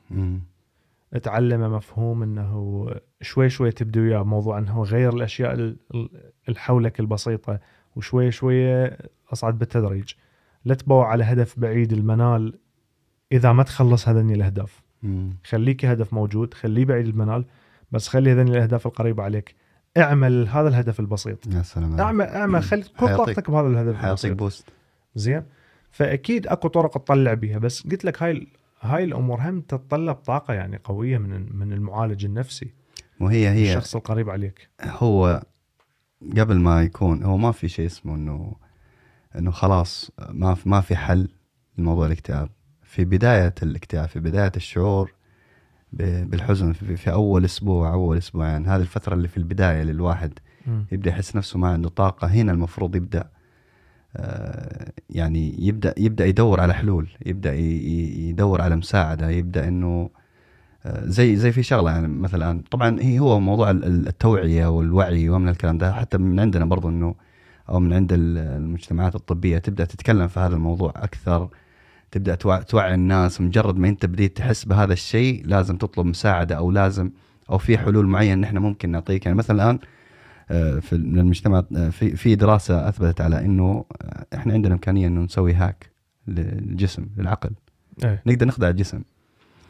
قال إنه إنه الإنسان ممكن بمجرد ما إنه يحس بحزن يبدأ بس يبتسم ويضحك تمام يفرز أشياء آه، يفرز م- آه، يعني هرمونات تساعد على إنه يعني يكون كالم يهدى شوي يعني يعني التمبر حقه يكون كالم حتى يعني مثلا لما تكون محصل إيش الكلام هذا اللي قاعد تقول؟ اي؟ اي أقول لك. ابتسامة أو مثلا يعني في طرق كثيرة ممكن لو لو عرفت عرفت وصلت لها تقدر تسوي hack لل العقل ال system. بكل سهولة يا سلام عليك. بكل سهولة يعني إنه الشخص ما يتصور إنه إيش قد. العقل آه، هو هو شيء عظيم وجبار و- وذكي بس بنفس الوقت أمور سخيفة تخدع يعني. إي ولمصلحتك أكثر شيء. مثلا موضوع الموضوع البلاسيبو. إي. البلاسيبو إنه كل ناس ينطوهم أدوية هي بس ملح ملح وسكر مضغوط إي، يعني. م- موضوع حبوب إي. مضاد احتمال ياخذها. ياخذها ويطيب يطيب من مرض يعني. يطيب من مرض مو. اكتئاب. لا لا لا مرض مرض جسدي يطيب من عنده. أقول لك حتى موضوع الاكتئاب الآن رجعنا. عوفك م- خلينا نقول موضوع اكتئاب نفسي. لا. إي. إنه انت تنطي حباية تقول هاي حتخليك تحس إحساس أحسن. أكيد هو حي خلينا نقول أسهل إنه يربطها إنه بهذا الشيء إنه تعطى سعادة وكذا مم. بس أكو واحد مثلا عنده التهاب معين بجسمه ما يروح إلا بدواء وينطوه placebo. placebo اللي هو دواء دواء يخدع خلينا نقول دواء خادع بس مجرد يخلوه فيلو. لل- للتجربة يسوون إي، control ملاح ما للتجربة. اعرف إيش فيه له. ملح مضغوط أو سكر ما عبارة عن مي وملح أو سكر ملح، بس مضغوط تمام ينطوها ويطيب تخيل إي دراسات اثبت على هذا الشيء. أكيد وحتى اليوم كنت أسمع فيديو واحد يحكي ما أتذكر وين يقول إنه أكو ناس مثلا شكوا إنه عندهم مرض مم. وراحوا سووا فحوصات قال لهم ما عندكم هالمرض تمام. فرجعوا قالوا لا أكو خلل بالفحص سووا تحاليل مرة ثانية وراحوا وظلوا مقتنعين انه عندهم المرض لحد ما جسمهم صنع للمرض هذا تخيل ما أعرف نسبة صحة هذا الكلام شنو بس ممكن. اللي أعرفه إنه أكو قصة. مشهورة جدا بالحرب العالمية الثانية آه، فدكتور آه، بال يعني دكتور خلينا نقول بالجانب الأمريكي اللي يحارب ألمانيا تمام. فساقطين مئات آلاف المصابين وكذا فهو لازم بسرعة يسوي عمليات ذول. الواقعين مصابين. فما عندهم ذاك الوقت إنه مخدر يكفي الكل ذولا تمام مم. فبدأ يعطيهم محلول ملحي أو شيء. شلون مي مقطر اللي يخلوه على أو إنه مورفين مي يعني. مغذي إي على أساس إنه مورفين أو مخدر, مخدر، معين. تمام بدأ يبتر ويخيط وكذا وهم ما يحسون بشيء تمام لأنه هالقد ما قوة العقل قوية خلته يحس إنه هذا مخدر متخدر ما يحس. بشيء تمام مم. واحدة من الأمور الثالثة تجربة هم موجودة شفتها بفيديو يعني آه، ما أعرف إذا صحيحة أو غلط أنه يخلون إيد اصطناعية تشبه إيدك الحقيقية مم. ويغطون إيدك الحقيقية تمام مم. ويجي واحد شو يسوي يلمس الإيد الاصطناعية ويلمس إيدك بنفس اللمسة بالضبط خلينا نقول يمشي ريشة على على أصبع من أصابعك تمام مم. فأنت قاعد أنت قاعد تشوف إيدك الاصطناعية قاعد تمشي على الريشة وت... وتحس إحساس أنه دا تمشي على إيدك ريشة تمام مم. فيسوي الموضوع أكثر من مرة كأنما يربط عقلك إنه هذه الإيد هي إيدك. مم. بعدين شو يسوي؟ يقوم يلمس الايد الاصطناعيه وأنت تحس. مم. يقوم يأذي الإيد الحقيقية وأنت ما تحس بالألم. تخيل تخيل لهالدرجه العقل ممكن تخدعه. ما هي هنا أنا. فأكيد أنت كلامك صحيح مال العقل ينخدع إذا أنت مو. أو أنت أقنعت نفسك إنه أنت سعيد حتكون سعيد. أيوه أيوه. مو مو أنت الآن المشكلة زي ما قلت لك نرجع مرة ثانية لموضوع المؤامرة موضوع التجارة. يعني بيد الناس هذول اللي عندهم الميديا ومن الكلام ده يعني يتواصلوا مع الناس مباشر يسووا دراسات يبينوا للناس إنه أنتم ترى ترى الحل بيدك ترى يمديك تسوي هذا الشيء. نقدر إحنا نعلمك على هذا التكنيك. إنك مثلا تبدأ مثلا تسوي يوغا أو تجلس تبتسم آه،. تتكلم مع واحد أو يعني في شغلات كثيرة عرفت كيف زي ما قلت تسوي هاك للسيستم وتطلع من المشكلة هذه عرفت كيف؟ أكيد فهي هي ما, ما أقول لك هي بالسهولة هذه طبعا أكيد ونحن زي ما قلت لك مختلفين بس هي إنه عادة يعني إنه تفتشي تكرر دائما لحد عليك. ما ينضبط طبعا واحدة مرة من الأمور اللي اللي أتذكر يعني قرأتها وسمعت بيها إنه من تبتسم أو من فت تسوي حركة تنطي تقلد السعيد شلون يكون تمام؟ مم. يقول لك الأعصاب اللي شدت العضلات مال الابتسامه حركها جزء من الدماغ. يا سلام عليك. وهذا الجزء من الدماغ مربوط بجزء يحسك بالسعادة. إيه. فهو فشو صار؟ صار مثل الاشاره مم. عكسية. اي خلينا نقول مو هي من حسيت بالسعادة فجزء بدماغك اللي يحسسك بالسعادة انطى إعاز للجزء اللي خلاك تبتسم اي وبديت تبتسم. فمن تسوي العكس؟ ترجع الإشارة بالعكس بالعكس ترجع تخليك سعيد اي تمام؟ ف- فشيء جدا آه، حلو. فلهذا إحنا مثلا عندنا دائما مو بس إحنا عندنا كمسلمين يعني موجودة بكل العالم إنه الابتسامه مهمه إنه لازم مم. تبتسم الشخص دائما آه، آه، حتى من ناحية خلينا نقول ال- المشاريع المحلات customer service لازم دائما تكون بشوش قدام الزبون مثلا. حتى من ورا؟ التليفون. ليش؟ لأن هو من حيشوفك سعيد هو حيحس بالسعادة. اي فراح تنطي آه، تنطي دافع أكثر إنه يشتري من عندك أو يتعامل وياك أو يطول الحديث وياك تمام؟ فقلت لك هاي الأمور كلها مثل ما ما أنت قلت جدا مهمة إنه الشخص يخليها بحياته كعادة سبحان الله. الابتسامة ال... وموضوع الابتسامة مو يعني نحن ما ما بنطلع موضوع الكتاب بس شوية نعقل موضوع الابتسامة. الابتسامة آه الابتسامة تت- تت- تتنقل يعني تنتقل من الشخص لآخر. طبعا طبعا. يعني يعني انت عارف مثلا تروح لواحد آه، آه، متضايق وزي كذا أهلا وسهلا كيف حالك اخويا طيب إن شاء الله. فيجي يشوفه حتى هو متضايق تمام الحمد لله. هو شوي شوي تلقاه مثلا يبتسم معك شوي شوي يفك إيه. اي ف ففي في في حلول جدا كثيرة بس ما هي سهلة. شوف أنا أديك موضوع. لو رجعنا للمشكلة الرئيسية مشكلتنا إحنا يعني حتى ال- الاكتئاب هذا الشيء من أشياء كثيرة إحنا قاعدين نعاني منها. هي هي مشكلة. نرجع. للأس... للأسئلة هذه اللي هي أسئلة ال... الوجود مثلا. ليش أنا هنا؟ آه، إيش معنى أنا؟ آه، آه، يعني يعني في بعض الأشياء يعني الم... نرجع مرة ثانية زي ما قلت لك. بعض الأشياء اللي هي آه، ما من من من معطينا اهتمام للأسف. آه، يعني مثلا الآن التواصل مع مع الآخرين مثلا أوكي عرفت كيف؟ الآن في إحنا في فترة صراحة فترة الكورونا هذه سوت إنه إحنا تواصلنا صار جدا آه، يعني أنا ما شفتك إلا يعني. إيه بعد ستة. شهور أنا شفتك أي. تقريبا فتخيل أنت قاعد بين أربع حيطان وشايف الدنيا مقلوبة وإحساسك هو نهاية العالم خلاص الدنيا هذه انتهت فما أنت عارف إيش إيش يعني حتى موضوع إنه فيوتشر وإنه أنا حسوي في المستقبل ما في خلاص انتهى يعني. خلص هي صار سراب يعني ف... فأنت توصل مرحلة هنا القوي هو اللي حيستمر. صح. هو ضعيف ف- فموضوع evolution يعتبر يعني. أكيد أكيد طبعا. هي اي أكيد. أه بالنسبة لي أشوف إنه الأفضل م- مثل مسألة ال pandemi مثل ما قلت ال pandemic وكذا وال والكوفيد. مم. أه أنا دائما كنت أقول ماكو شيء يستمر يعني. آه، من زمان أعرف إنه المرض هذا قد قد ما حيطول فحيجي فد يوم حن حنلقى له حل مم. حترجع الحياة الطبيعية ممكن مو بط- مو طبيعية بالصورة اللي إحنا كنا نعرفها مم. بس حتى لابد وأن ترجع طبيعية تمام ولا إذا ما رجع طبيعية يعني هاي نهاية العالم معناها تمام مم. ف فبما إنه أنت عندك أمل إنه يرجع كل شيء طبيعي. فخلص إنه بس هي مجرد مسألة انتظار ووقت وصبر شوي شوي حتشوف إنه أكيد راح تتأثر نفسيا. كلنا تاثرنا نفسيا بهذا الموضوع. أكيد أكيد. زين لأنه يعني إنه صعب يعني أي صراحة أقربائك أهلك يا ابني تشوفهم، إحنا إحنا أصدقائك.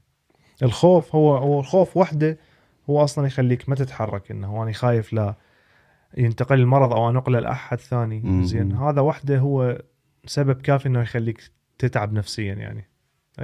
يعني مثلا الآن لو جينا قلنا إنه الواحد آه، جات له مصيبة وصارت له مشكلة كبيرة جدا في حياته وعرف إنه ما ما في ما ما أقدر أس- لا ما لا أقدر أقدم ولا أخر لا مهما سويت ما حقدر أحل هذه المشكلة ف إذا طلب المشكلة هذه إن الواحد عن جد يحزن ويطلع اللي في قلبه أيوه احزن وطلع اللي في قلبك عرفت. كيف؟ بس لازم يكون وقتي الآن الآن لازم أطلع هذا الشيء وأحزن و... وأصرخ صرخ صرخ لحالك في البيت أو جيب لك معك واحد صاحبك يعني يسمع لك اقعد ابكي معاه اتكلم. عرفت كيف؟ وأنا مثلا كصاحب المفروض لازم أتداخل معاه وأخش بنفس الشعور. عرفت كيف؟ لأنه هذا الشيء عن جد يعني لما أنت تجي تشوفني قاعد أحزن معاك حيكون نفس الشيء. آه، يعني قللت من من من السلبية الموجودة في داخلك. آه، فلو أنت قدرت تحل الموضوع وقتي وما تراكم معك بالأيام إن شاء الله بإذن الله حتطلع موضوع الحزن الشديد أو ال- اللي يؤدي للاكتئاب يعني المشكلة مشكلة الاكتئاب هي التراكم التراكم. التراكم يجي بسبب آه، بداية المشكلة وعدم حلها وبعدين يتراكم بعدها بفترة. تبدأ تخش في أفكار وأفكار توديك للوم النفس. ولو أنا سويت كذا كان ما كان صار هذا الحادث. ولو أنا اتصلت ما كان. ولو أنا قلت له كذا لو أنا ضغطت عليه فتخش في لوم نفسك ولوم ولوم ولوم تبدأ تكره نفسك وبعد ما تبدأ تكره نفسك توصل إنك تكره الحياة. وبعد ما تك- تبدأ تكره الحياة توصل لهذه الأسئلة الوجودية. أنا ليش موجود. عرفت كيف؟ أنا ليش موجود؟ وحياخذ منك وقت طويل. ولو دخلت في طبعا الاكتئاب الحاد آه، ما أقول لك إن الواحد ما يطلع منه بس آه، صعوبة. بس صعوبة جدا كبيرة يا أخي. تخش في, في أدوية و أي. مو ما عدا إنه تخش بدري مثل ما قلت لك اذا أنت واصل لمرحله تجيك أفكار انتحار. زين؟ فبعد أي شيء بالدنيا ما يعني ما يعني لك شيء. إي خلاص أنت لا الناس. القريبين عليك آه، لا لا مثلا موضوع نظافتك الشخصية لا موضوع الأكل تاكله شنو لا. موضوع ال... الأمور اللي تسويها تغير من نفسيتك تمام تظل عايش ممكن أنت ما راح تنتحر بس تجيك أفكار إنه ليش أنا عايش تمام. ليش شنو ال... شنو الفائده من الحياة هاي مم. فأنت حتوصل الطريق مسدود أنا أشوف فبنفس الوقت الأمور البسيطة مثل ما تراكمات الأمور السلبية تؤدي إلى الاكتئاب. أو تراكمات التأثير السلبي تؤدي إلى الاكتئاب تراكمات التأثير الإيجابي تؤدي إلى العكس. يا سلام عليك. تمام؟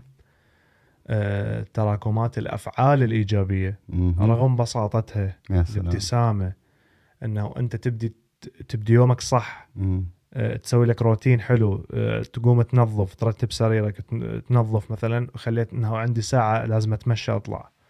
وعندي أخلي لي حتى مثلا ساعة لازم أتصل بيها بشخص مقرب عليه يا أسلم عليه. تمام؟ وعندي مثلا ساعة لا هاي أخليها لنفسي مثلا أتفرج بيها شيء احبه أو ألعب بيها PlayStation لو أي شيء يعني مم. تمام فأنت حيكون عندك روتين فحتلقى حيكون أنت عندك وقت خاله خلينا نقول هذا الوقت أنت خاله خلينا نقول للتعلم مم.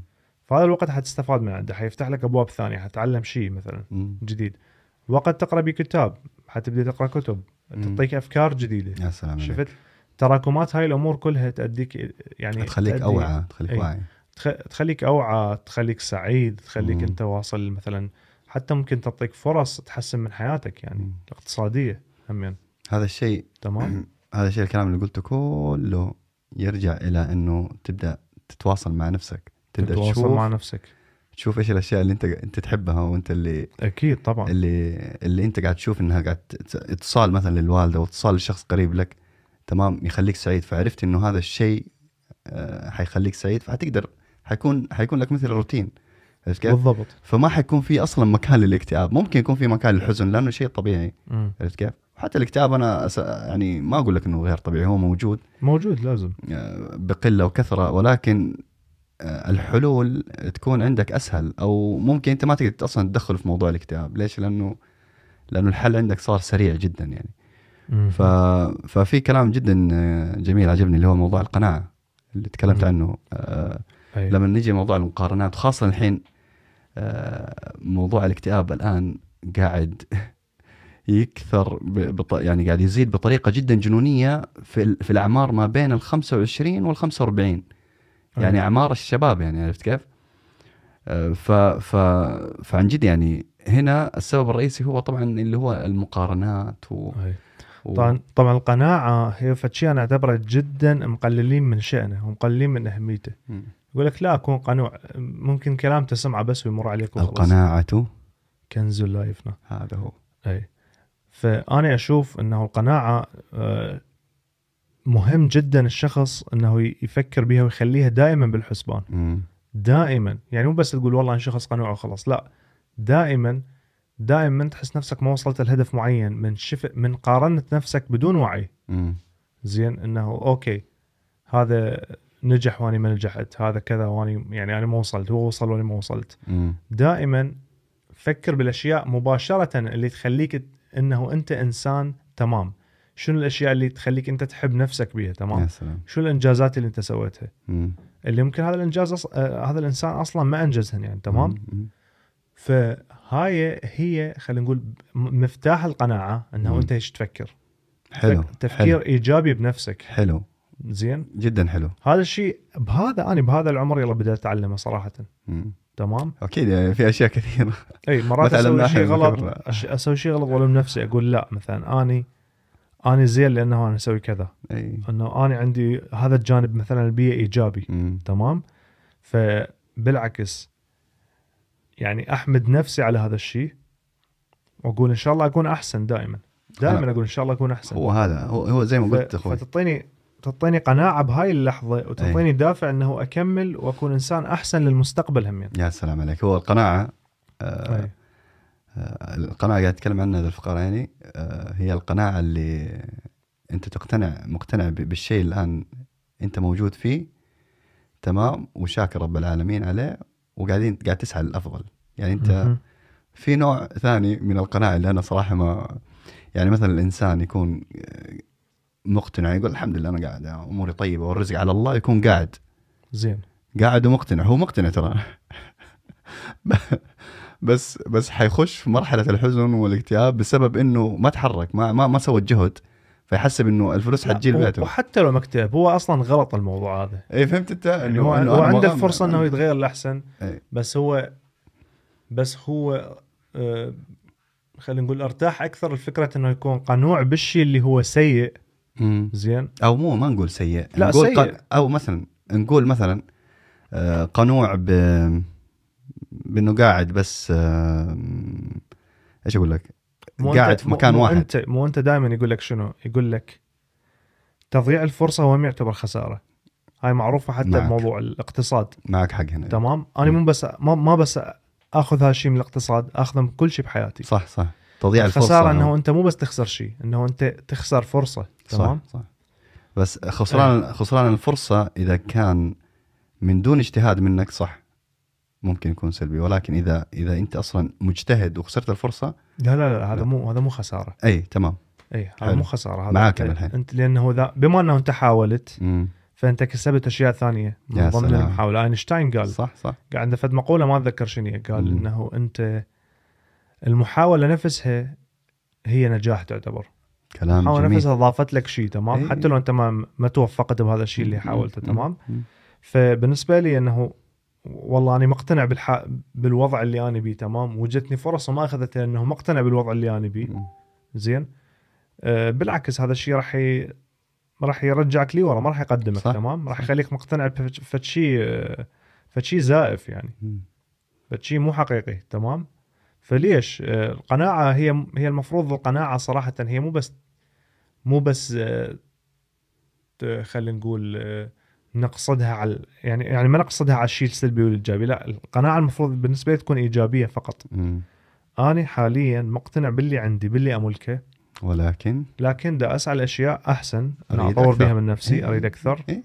واذا ما وصلت لهاي الأشياء فاني بعدني مقتنع باللي عندي لأن أنا. أساسا من البداية مقتنع به يا سلام عليك ما راح يخليني أقل رضا عن نفسي إذا ما ما أخذت هاي الأشياء مم. زين أه، وإذا أخذتهن فراح أكون مقتنع بهذا الشيء الجديد اللي حصلت عليه يا تمام؟ سلام. وكذلك بعدني مقتنع بالأشياء اللي كانت عندي زمان. مم.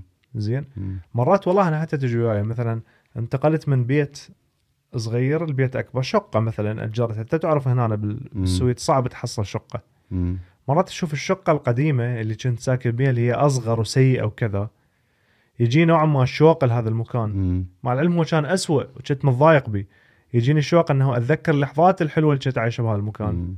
لأنه أساسا بهذا الوقت كنت مقتنع بيها تمام. مقتنع بهالمكان. بس دورت على شيء أحسن.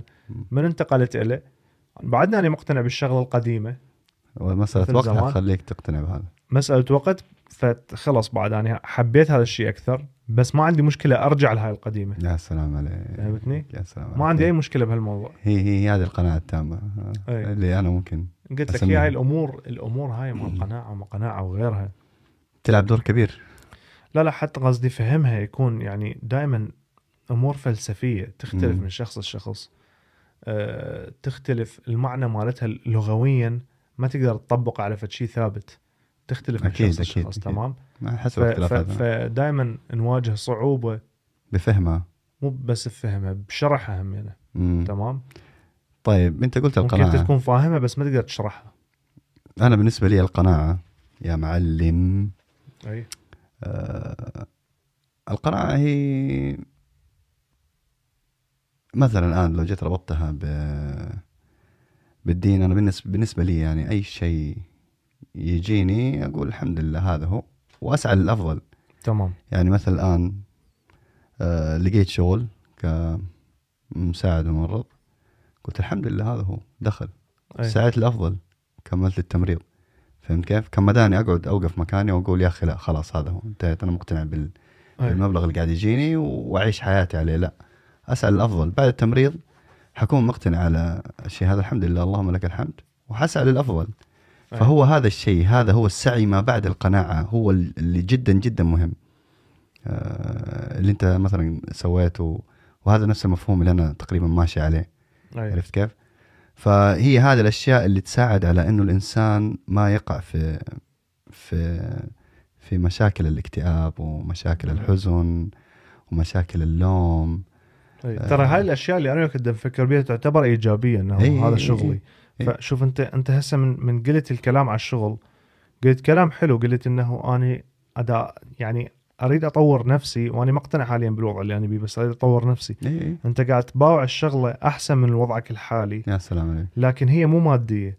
مع مع الأسف أغلب الشباب دائما يباعون على الأمور المادية. كنت مثل ما قلت لك بسبب الإنستغرام والأشياء اللي دا يشوفك. الإنسان الغني اللي اللي قضى حياته كلها سفر. طبعا هذا الإنسان مش قد عددهم بالمية بال- بالعالم. يعني يعني دول أقل البشر مو أكثر البشر. حتى يخلي الشخص يحس والله هي الحياة الطبيعية وخلاص صار مثلهم. لا ذولا جدا قليلين بالبشر. يعني كمية المعضلين اللي في ال... وتلقى هو هذا شغله أصلا يعني. كمية المعضلين الآن اللي قاعد يطلعون أي. مثلا.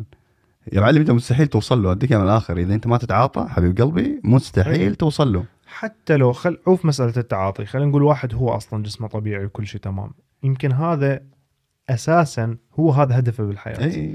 يعني هو هدفه إنه يروح يتمرن.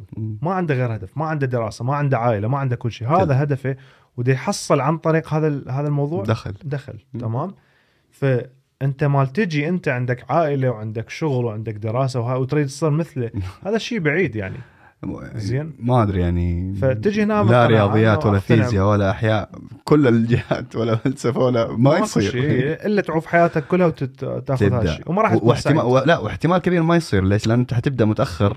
و... وما راح تكون سعيد لأن هذا مو من اهتماماتك إي. يعتبر. إي. زين؟ ف... فمع الأسف يعني زين؟ فمثل ما قلت لك أنا أسمع آه شوف هذا عنده قصر عنده فيلا عنده ما أعرف شنو. زين. آه أنا مرات ابوع على نفسي أقول إيش قد أكو بالعالم؟ تقدر تقدر تشوف بالإنترنت. إيش قد أكو أكو ناس بالعالم آه حالتهم المادية أتعب من عندك. مم. أغلب البشرية. أي. هسه إحنا وضعنا اللي أنا وياك بيه. أغلب البشرية وضعهم المادي أتعب من وضعنا أي. المادي تمام أي.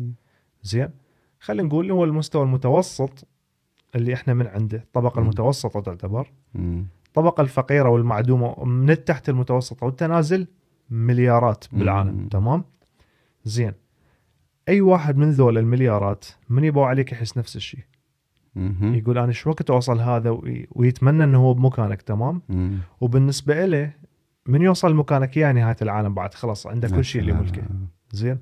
إحنا عليه ما نباوع؟ نباوع على ذول نشوفهم بالإنستغرام اللي لابسين ماركات واللي يركبون سيارات. كلام جميل. لامبورجيني وكذا. تمام؟ مم. اني مث... اني عندي عندي في الطبع دائما أسوي حلو إنه أتخيل هوايه تمام؟ فخليت نفسي بموقف ب simulation. بمحاكاة إنه أني غني. زين؟ لأنه أنا اكو ليش دا أقول لك أنا هالكلام؟ أكو أمور مجربها. مم. أكو أمور مجربها ومكتسبها كخبرة بالحياة مم. مثلا. آه راح شوي أطلع عن عن الموضوع وأرجع له مرة ثانية. مم. مثلا أكو جهاز تليفون عاجبني وأريد اشتريه وما عندي إمكانيته. وظليت أشتغل وما شنو أقول داينت و... واشتريت هذا الجهاز. زين؟ راح أقعد ويا هذا الجهاز بالزايد يومين. يومين. نفس الشيء صار معي باليوم الثالث يكون عادي بالنسبة لي. زين يكون عادي حاله حال أي شيء أنا أستهلكه يعني يوميا فكرت بعدين؟ زين أي أفكر يعني إنه ليش؟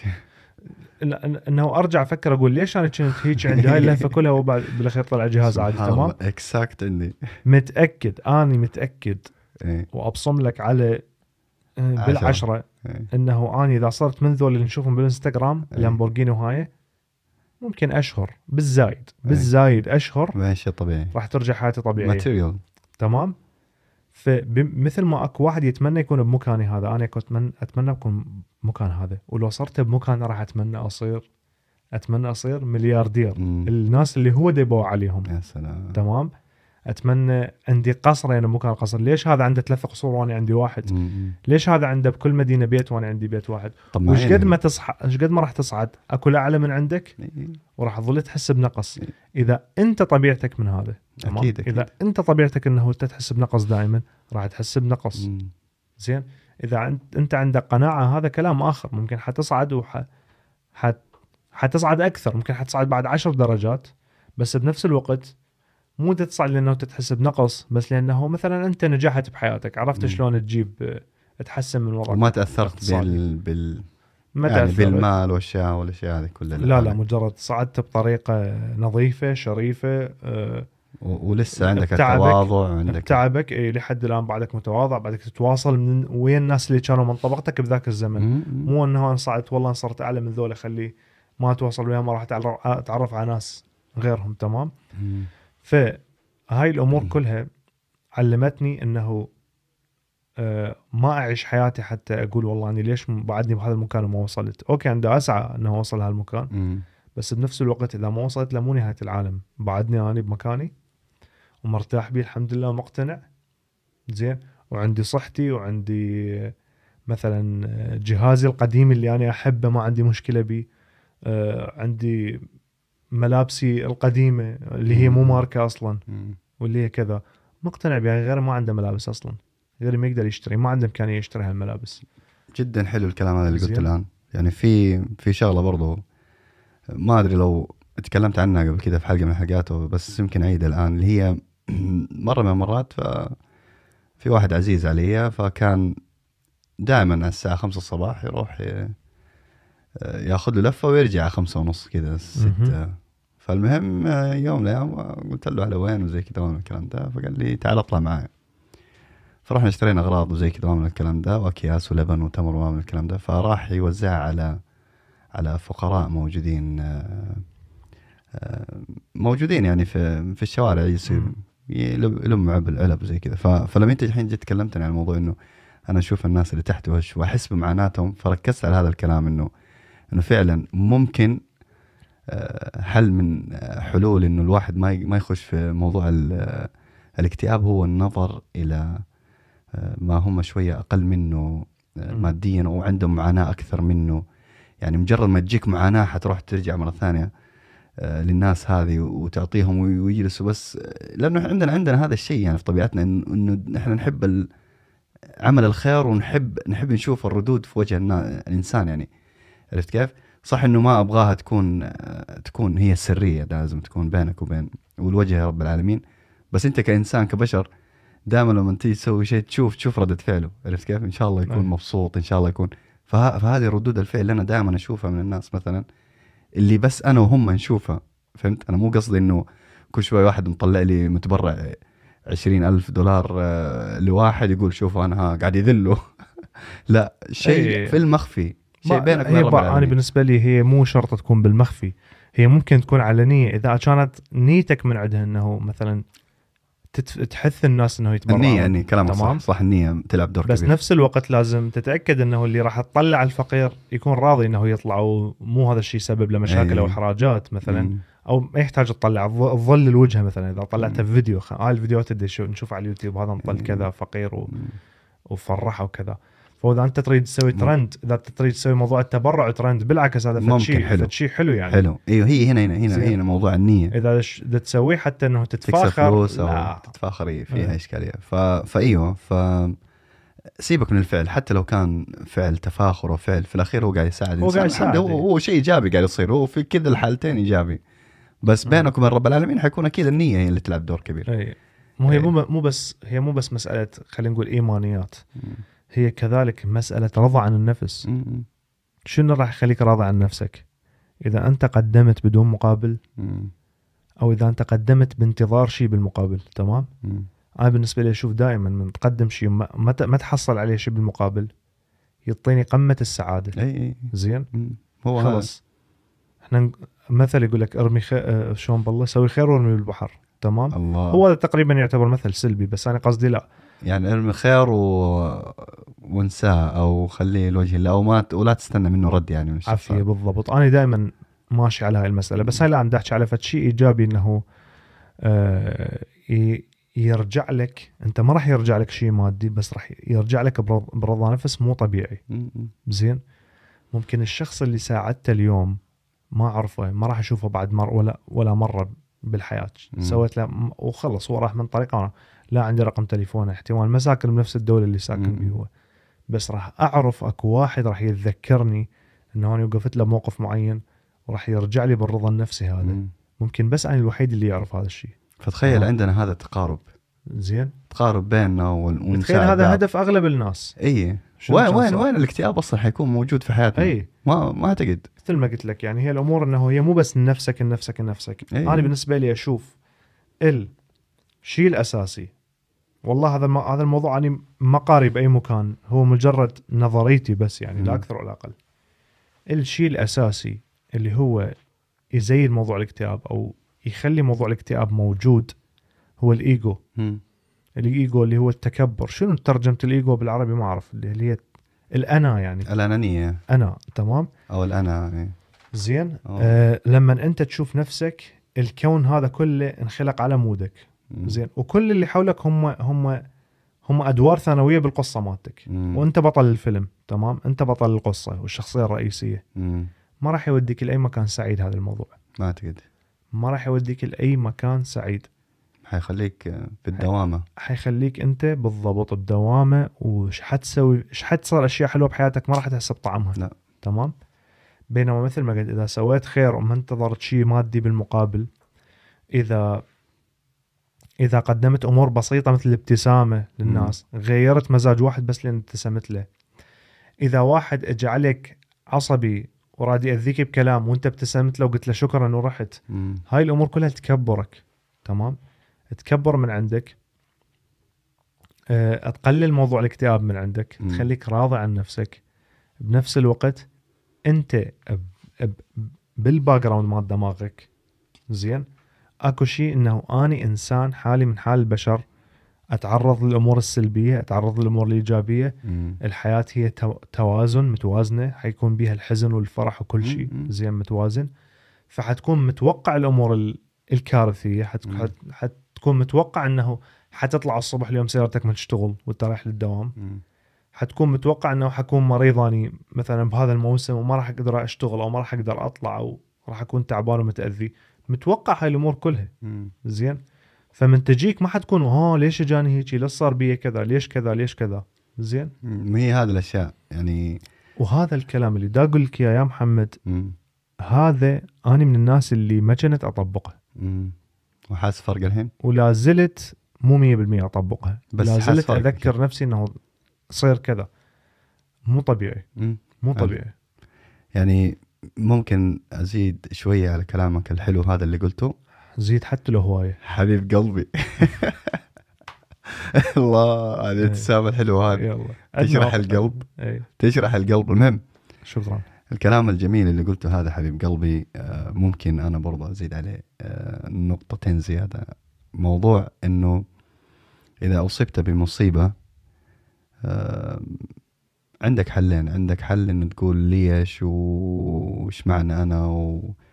وما عندي حظ وطيح حظي وحظي ما عرف طاح وطار أي. ما أعرف وين المهم قصة أي. طويلة تيجي تفتح لك كتاب مجلد آه، تسبسب. فيه نفسك واحد أو إنك تقول الحمد لله يلا إن شاء الله بإذن الله المرة الجاية مثلا أو الحمد لله يلا إن شاء الله أحاول أسوي أحسن المره الجاية أو الحمد لله يلا أنت فاهم إيش قصدي؟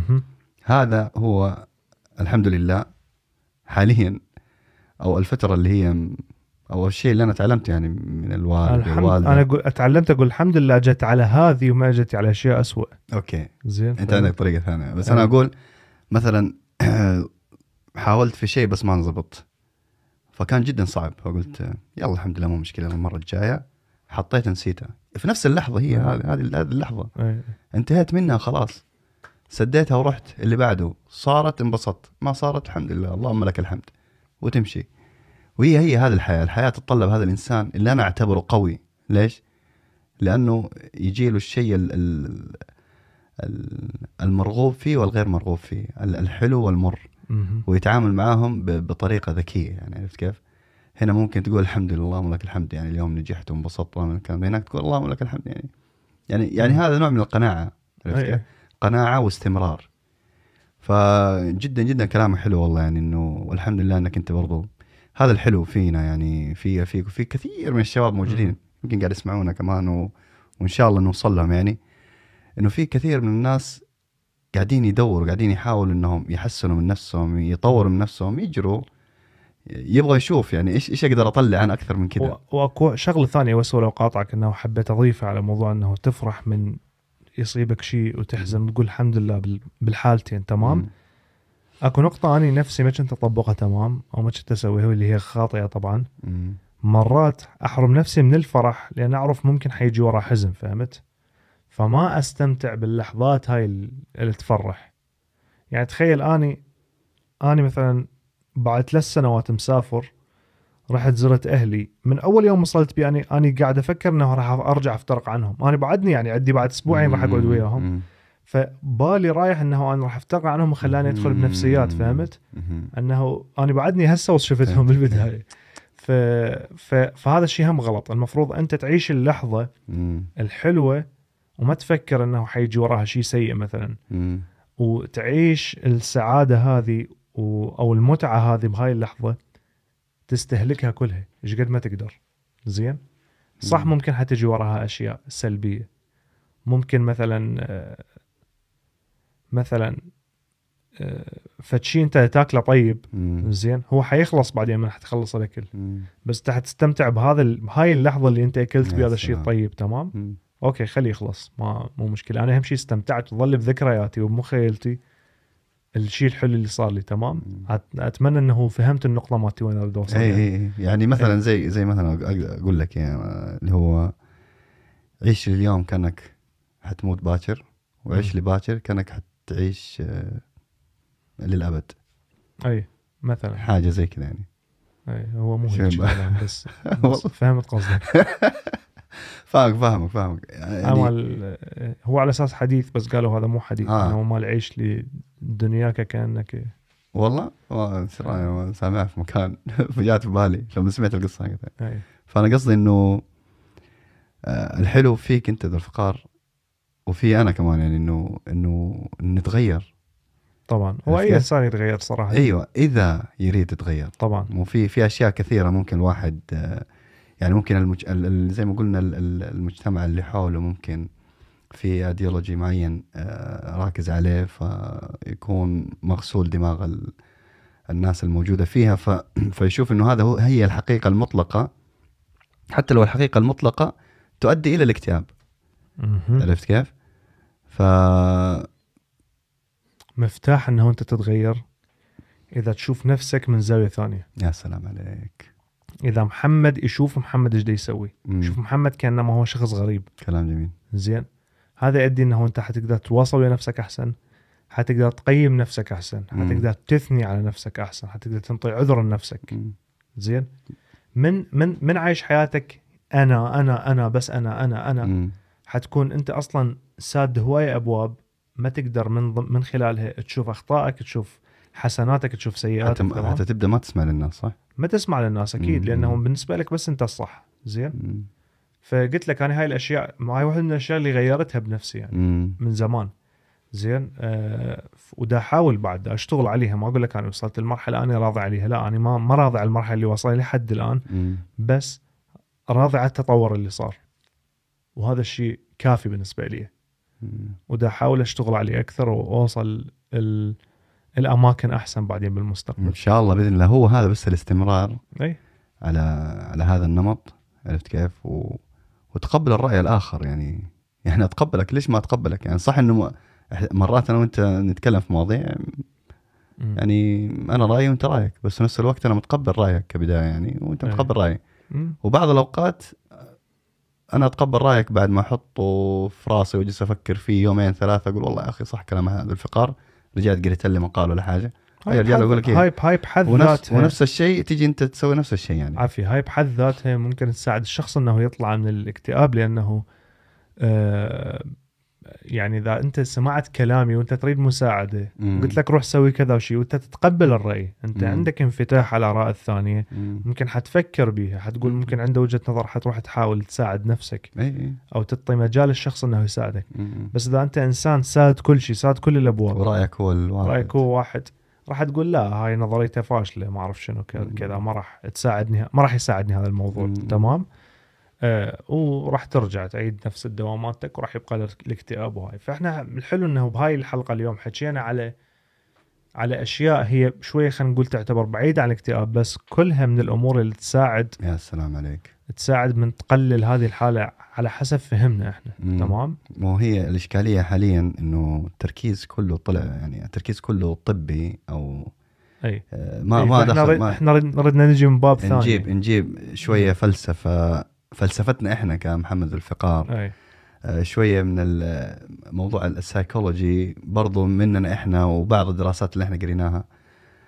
فأتمنى إنه موضوع موضوع ال- الاكتئاب يكون شيء ترند لازم يعني نحل هذه المشكلة. إن شاء الله. لأن لأنه ماشي ماشي بطريقة جدا يعني سريعة للأسف. مو إحنا إحنا إحنا مبرمجين. أنا أنا دائما قلت لك عندي دائما نظرة اوبتيمست نظرة إيجابية للأشياء مم. إحنا من انخلقنا زين انخلقت بينا وسائل دفاعية تخلينا نستمر مم. تمام حنستمر يعني حنستمر بالنهاية بس الله. إحنا نريد نستمر بأقل الخسائر مم. ما نريد نوصل للمرحلة اللي اللي خلينا نقول بالطبيعة الانتخاب الطبيعي مم. يجي مرض يقتل الكل ما عدا اثنين وذولا هم اللي حينجون بس وأجيالهم حتنجي ما اريد ما اريد ما اريد هذا الشيء يصير بالبشرية أريد شوي شوي نتعلم ونبدا نتغير.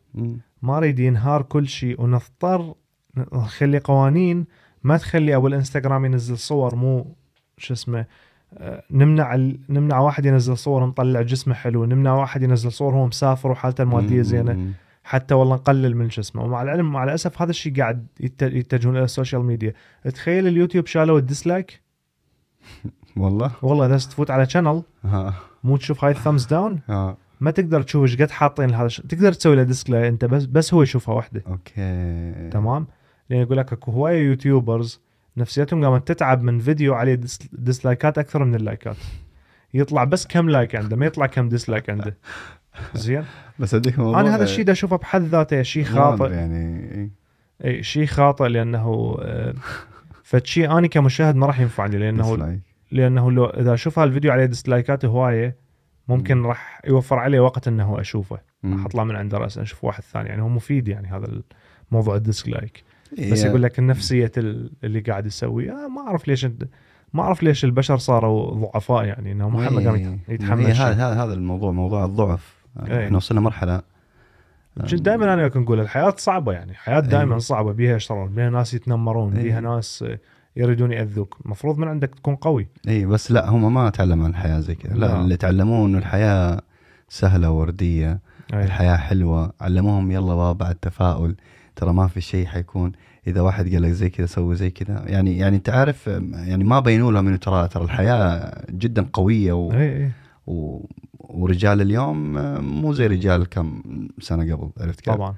ففي أشياء كثيرة تأثر على على نفسيتنا إحنا وضعفنا ك كبشر يعني. بس بس أتمنى يعني إنه إنه موضوع الاكتئاب هذا ينظروا له من كل النواحي. يعني مو بس. ما يعني الفترة البداية كانت موضوع السيروتونين. خذ دواء. إي دواء وما أعرف إيش. وبعدين راح انتقلوا لل psychology. ال psychology وصلوا شوية مرحلة المفروض ينزلوا على جهة فرويد على أساس إنه الأطفال وما الأطفال وإيش صار فيك وأنت الطفل وما من الكلام ده. حلل لا وقفوا هناك. قالوا هذا الشيء حياخذ طاقة. عرفت كيف؟ فصار شيء سطحي تروح عند ال- المرة المرة الدكتور النفساني تمام يجي يسألك أسئلة بسيطة يقول لك ساعتي خلصت آه، توكل على الله. عرفت كيف ما حل لك المشكلة تجي مثلا تروح من الموضوع الفلسفي ما في ما في دعم من ال- القنوات ومن الأشياء هذه أي. يتكلم عن موضوع ال- الاكتئاب ويخشوا شوية في الفلسفة يا أخي إن شاء الله يخشوا في- الفلسفة من كل جهة من الديانات الأخرى من البوديزم من كل مكان إي. عرفت كيف؟ فهو هذا بس إحنا لو لو قدرنا نشوف المشكلة ال- ال- ال- المشكلة ال- الاكتئاب ك ك كمشكله يعني يعني هي مشكلة كبيرة. يعني هو مرض يؤدي آه، بعض الأحيان إلى الانتحار وهو الموت. أي. مثل مثل مرض ال cancer. يعني ال cancer آه، يؤدي إلى الموت بعض الأحيان يعني والحمد لله لقيوا له حل يعني. في أغلب الحالات. بس آه، يعني هذا عن جد يعني أتمنى والله موضوع الاكتئاب ياخذوه به. وأنا ب- مثلك. بصوره واني مثلك. إي. إي ف وأنا هم يعني أتمنى إن شاء الله كل واحد إنسان يعني هذا هذا الإحساس مو حلو يعني فأتمنى كل واحد إنه يطلع من هذا الشيء اللي كان يسمعنا مثلا أو مم.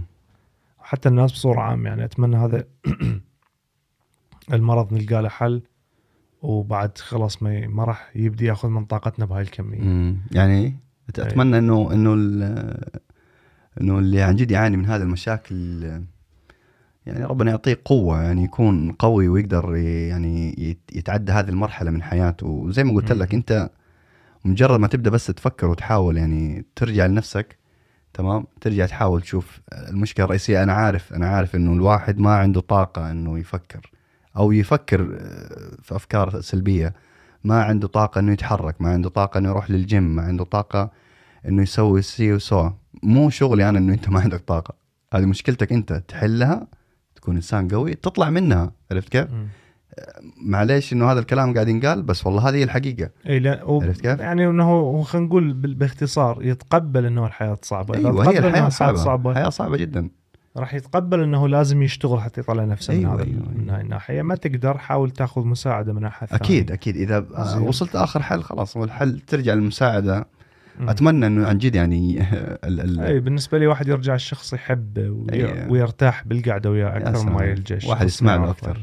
كويس إنه يستمع وكذا professional وكذا مم. بس هم تبقى من شخص لشخص أي فأعتقد إنه نختم الساعة. ساعة و40 حلو حلو حلو والله الساعة ونص اليوم. شوية من حلقة أقصر تكون أي آه، آه، تكلمنا. لل- للي ما يعرف حل صورنا هاي الحلقة طبعا اللي هي عن الاكتئاب إيه. صورنا حلقة كاملة وضاعت من عندنا مع الأسف. اي والله. صار خلل يعني فني وضاعت الحلقة كلها من عندنا. اي آه بس يعني إنه عادي ما عندنا مشكلة بهذا الشيء. اي بالعكس يعني إحنا تعلمنا قوينا معلوماتنا أكثر. أيوه وفي في في أشياء مثلا كنا شايفينها بمنظور ثاني. سبحان الله شوف الأشياء اللي كنا شايفينها بمنظور ثاني في الحلقة هذه اللي ضاعت الآن تغير رأينا إنه قرينا أشياء ثانية صارت مقنعة أكثر. فهي إيه. هذا هذا الموضوع. موضوع إنه ممكن بيوم وليلة انت انت أنت فكرك يتغير انت أنت ممكن تتغير.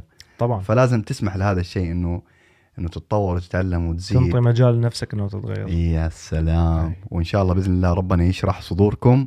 إن شاء الله. وموضوع الاكتئاب ده إن شاء الله يختفي من الوجود. إي. ونتمنى الحلقة عجبتكم. وإذا عجبتكم سووا like subscribe إي، على الجرس آه، share بكل مكان. آه، وراكم- وراكم. موجودين ما اللي دي. يسمعنا صوتية ترى إحنا موجودين كذلك على اليوتيوب واللي دي يشوفنا على اليوتيوب. عندنا عندنا حلقات صوتية آه، تقدرون تبحثون على الاسم مالتنا بأغلب المحطات المشهورة زين Spotify Apple Podcast مم. آه، حتى أنغامي موجود عندنا فوتوا كتبوا اسم ال channel مالتنا أو اسم البودكاست مالتنا. Talk Talk Time زين بودكاست وراح سلام. تلقون تلقونه وتسمعونه أو تشوفونه إن شاء الله بإذن. الوجوه الحلوة قدامكم الله يخليك يا عم إيه. أنت وشك منور قوي الله يسلمك أنت همين وشكرا جزيلا لكم. بالإنارة هاي منور وجهي إيه. اي إن شاء الله بإذن الله إحنا منورين من دون نار إحنا منورين. الاناره وأتمنى إن شاء الله عن جد يعني إنه هذه الحلقة عجبتكم وإنه إن شاء الله حتى لو كنا فدناكم شيء بسيط أو مثلا نورنا أو أو أو بينا شيء ممكن أنت في حياتك ما كان باين أو أو أو إنه مجرد مجرد مجرد. ما تعرف إنه مجرد. شاركناك شاركناك. وقتك وأنت قاعد تشتغل يا مثلا. سلام. شغلتنا وسمعتنا. إيه. وأنت قاعد وأنت قاعدة تطبخي وأنت قاعد مثلا. تشتغل لو قاعد تسوي مثلاً. لو تنظفين. تطبخ الدولمه والكبسه وال اي وكنا مجرد هيك رفقاء وياكم. إيه. وانطيناكم وقت حلو هذا الشيء كافي إنه مو شرط فدناكم معلومة احتمال معلوماتنا كلها غلط. زين. إيه. الله لا، أعلم. ان شاء الله بإذن الله إنه إنه نصيب يعني نحاول اي قدر الاستطاعة. هذا هذه هذا. الهدف هذا الهدف بس قصدي إنه إي، كل شيء. بآراء مختلفة. ف- فحتى ما نطول عليكم بالنهاية شكرا جزيلا. إنه سمعتوا ويانا لحد هاي الدقيقة. وتشوفونا إن شاء الله بالحلقة الجاية. جرسوا لنا بالله. انتظروا دائما من عندنا الأحسن. آه انتقدونا. آه قولوا لنا أي شيء ما عاجبكم وإحنا نحاول نعدل من نفسنا إن شاء الله. تمام؟ سبسكرايبات جرسات شيرات هيك صوت راح الدنيا حلوة. إيه، شايف بعد كل واحد يتكلم زي كذا. يطلع مال الاذاعه كاني راح أتعب. حبايبي الحلوين يعطيكم ألف عافية ونشوفكم في الحلقة القادمة. Peace Peace. It sound right, boy.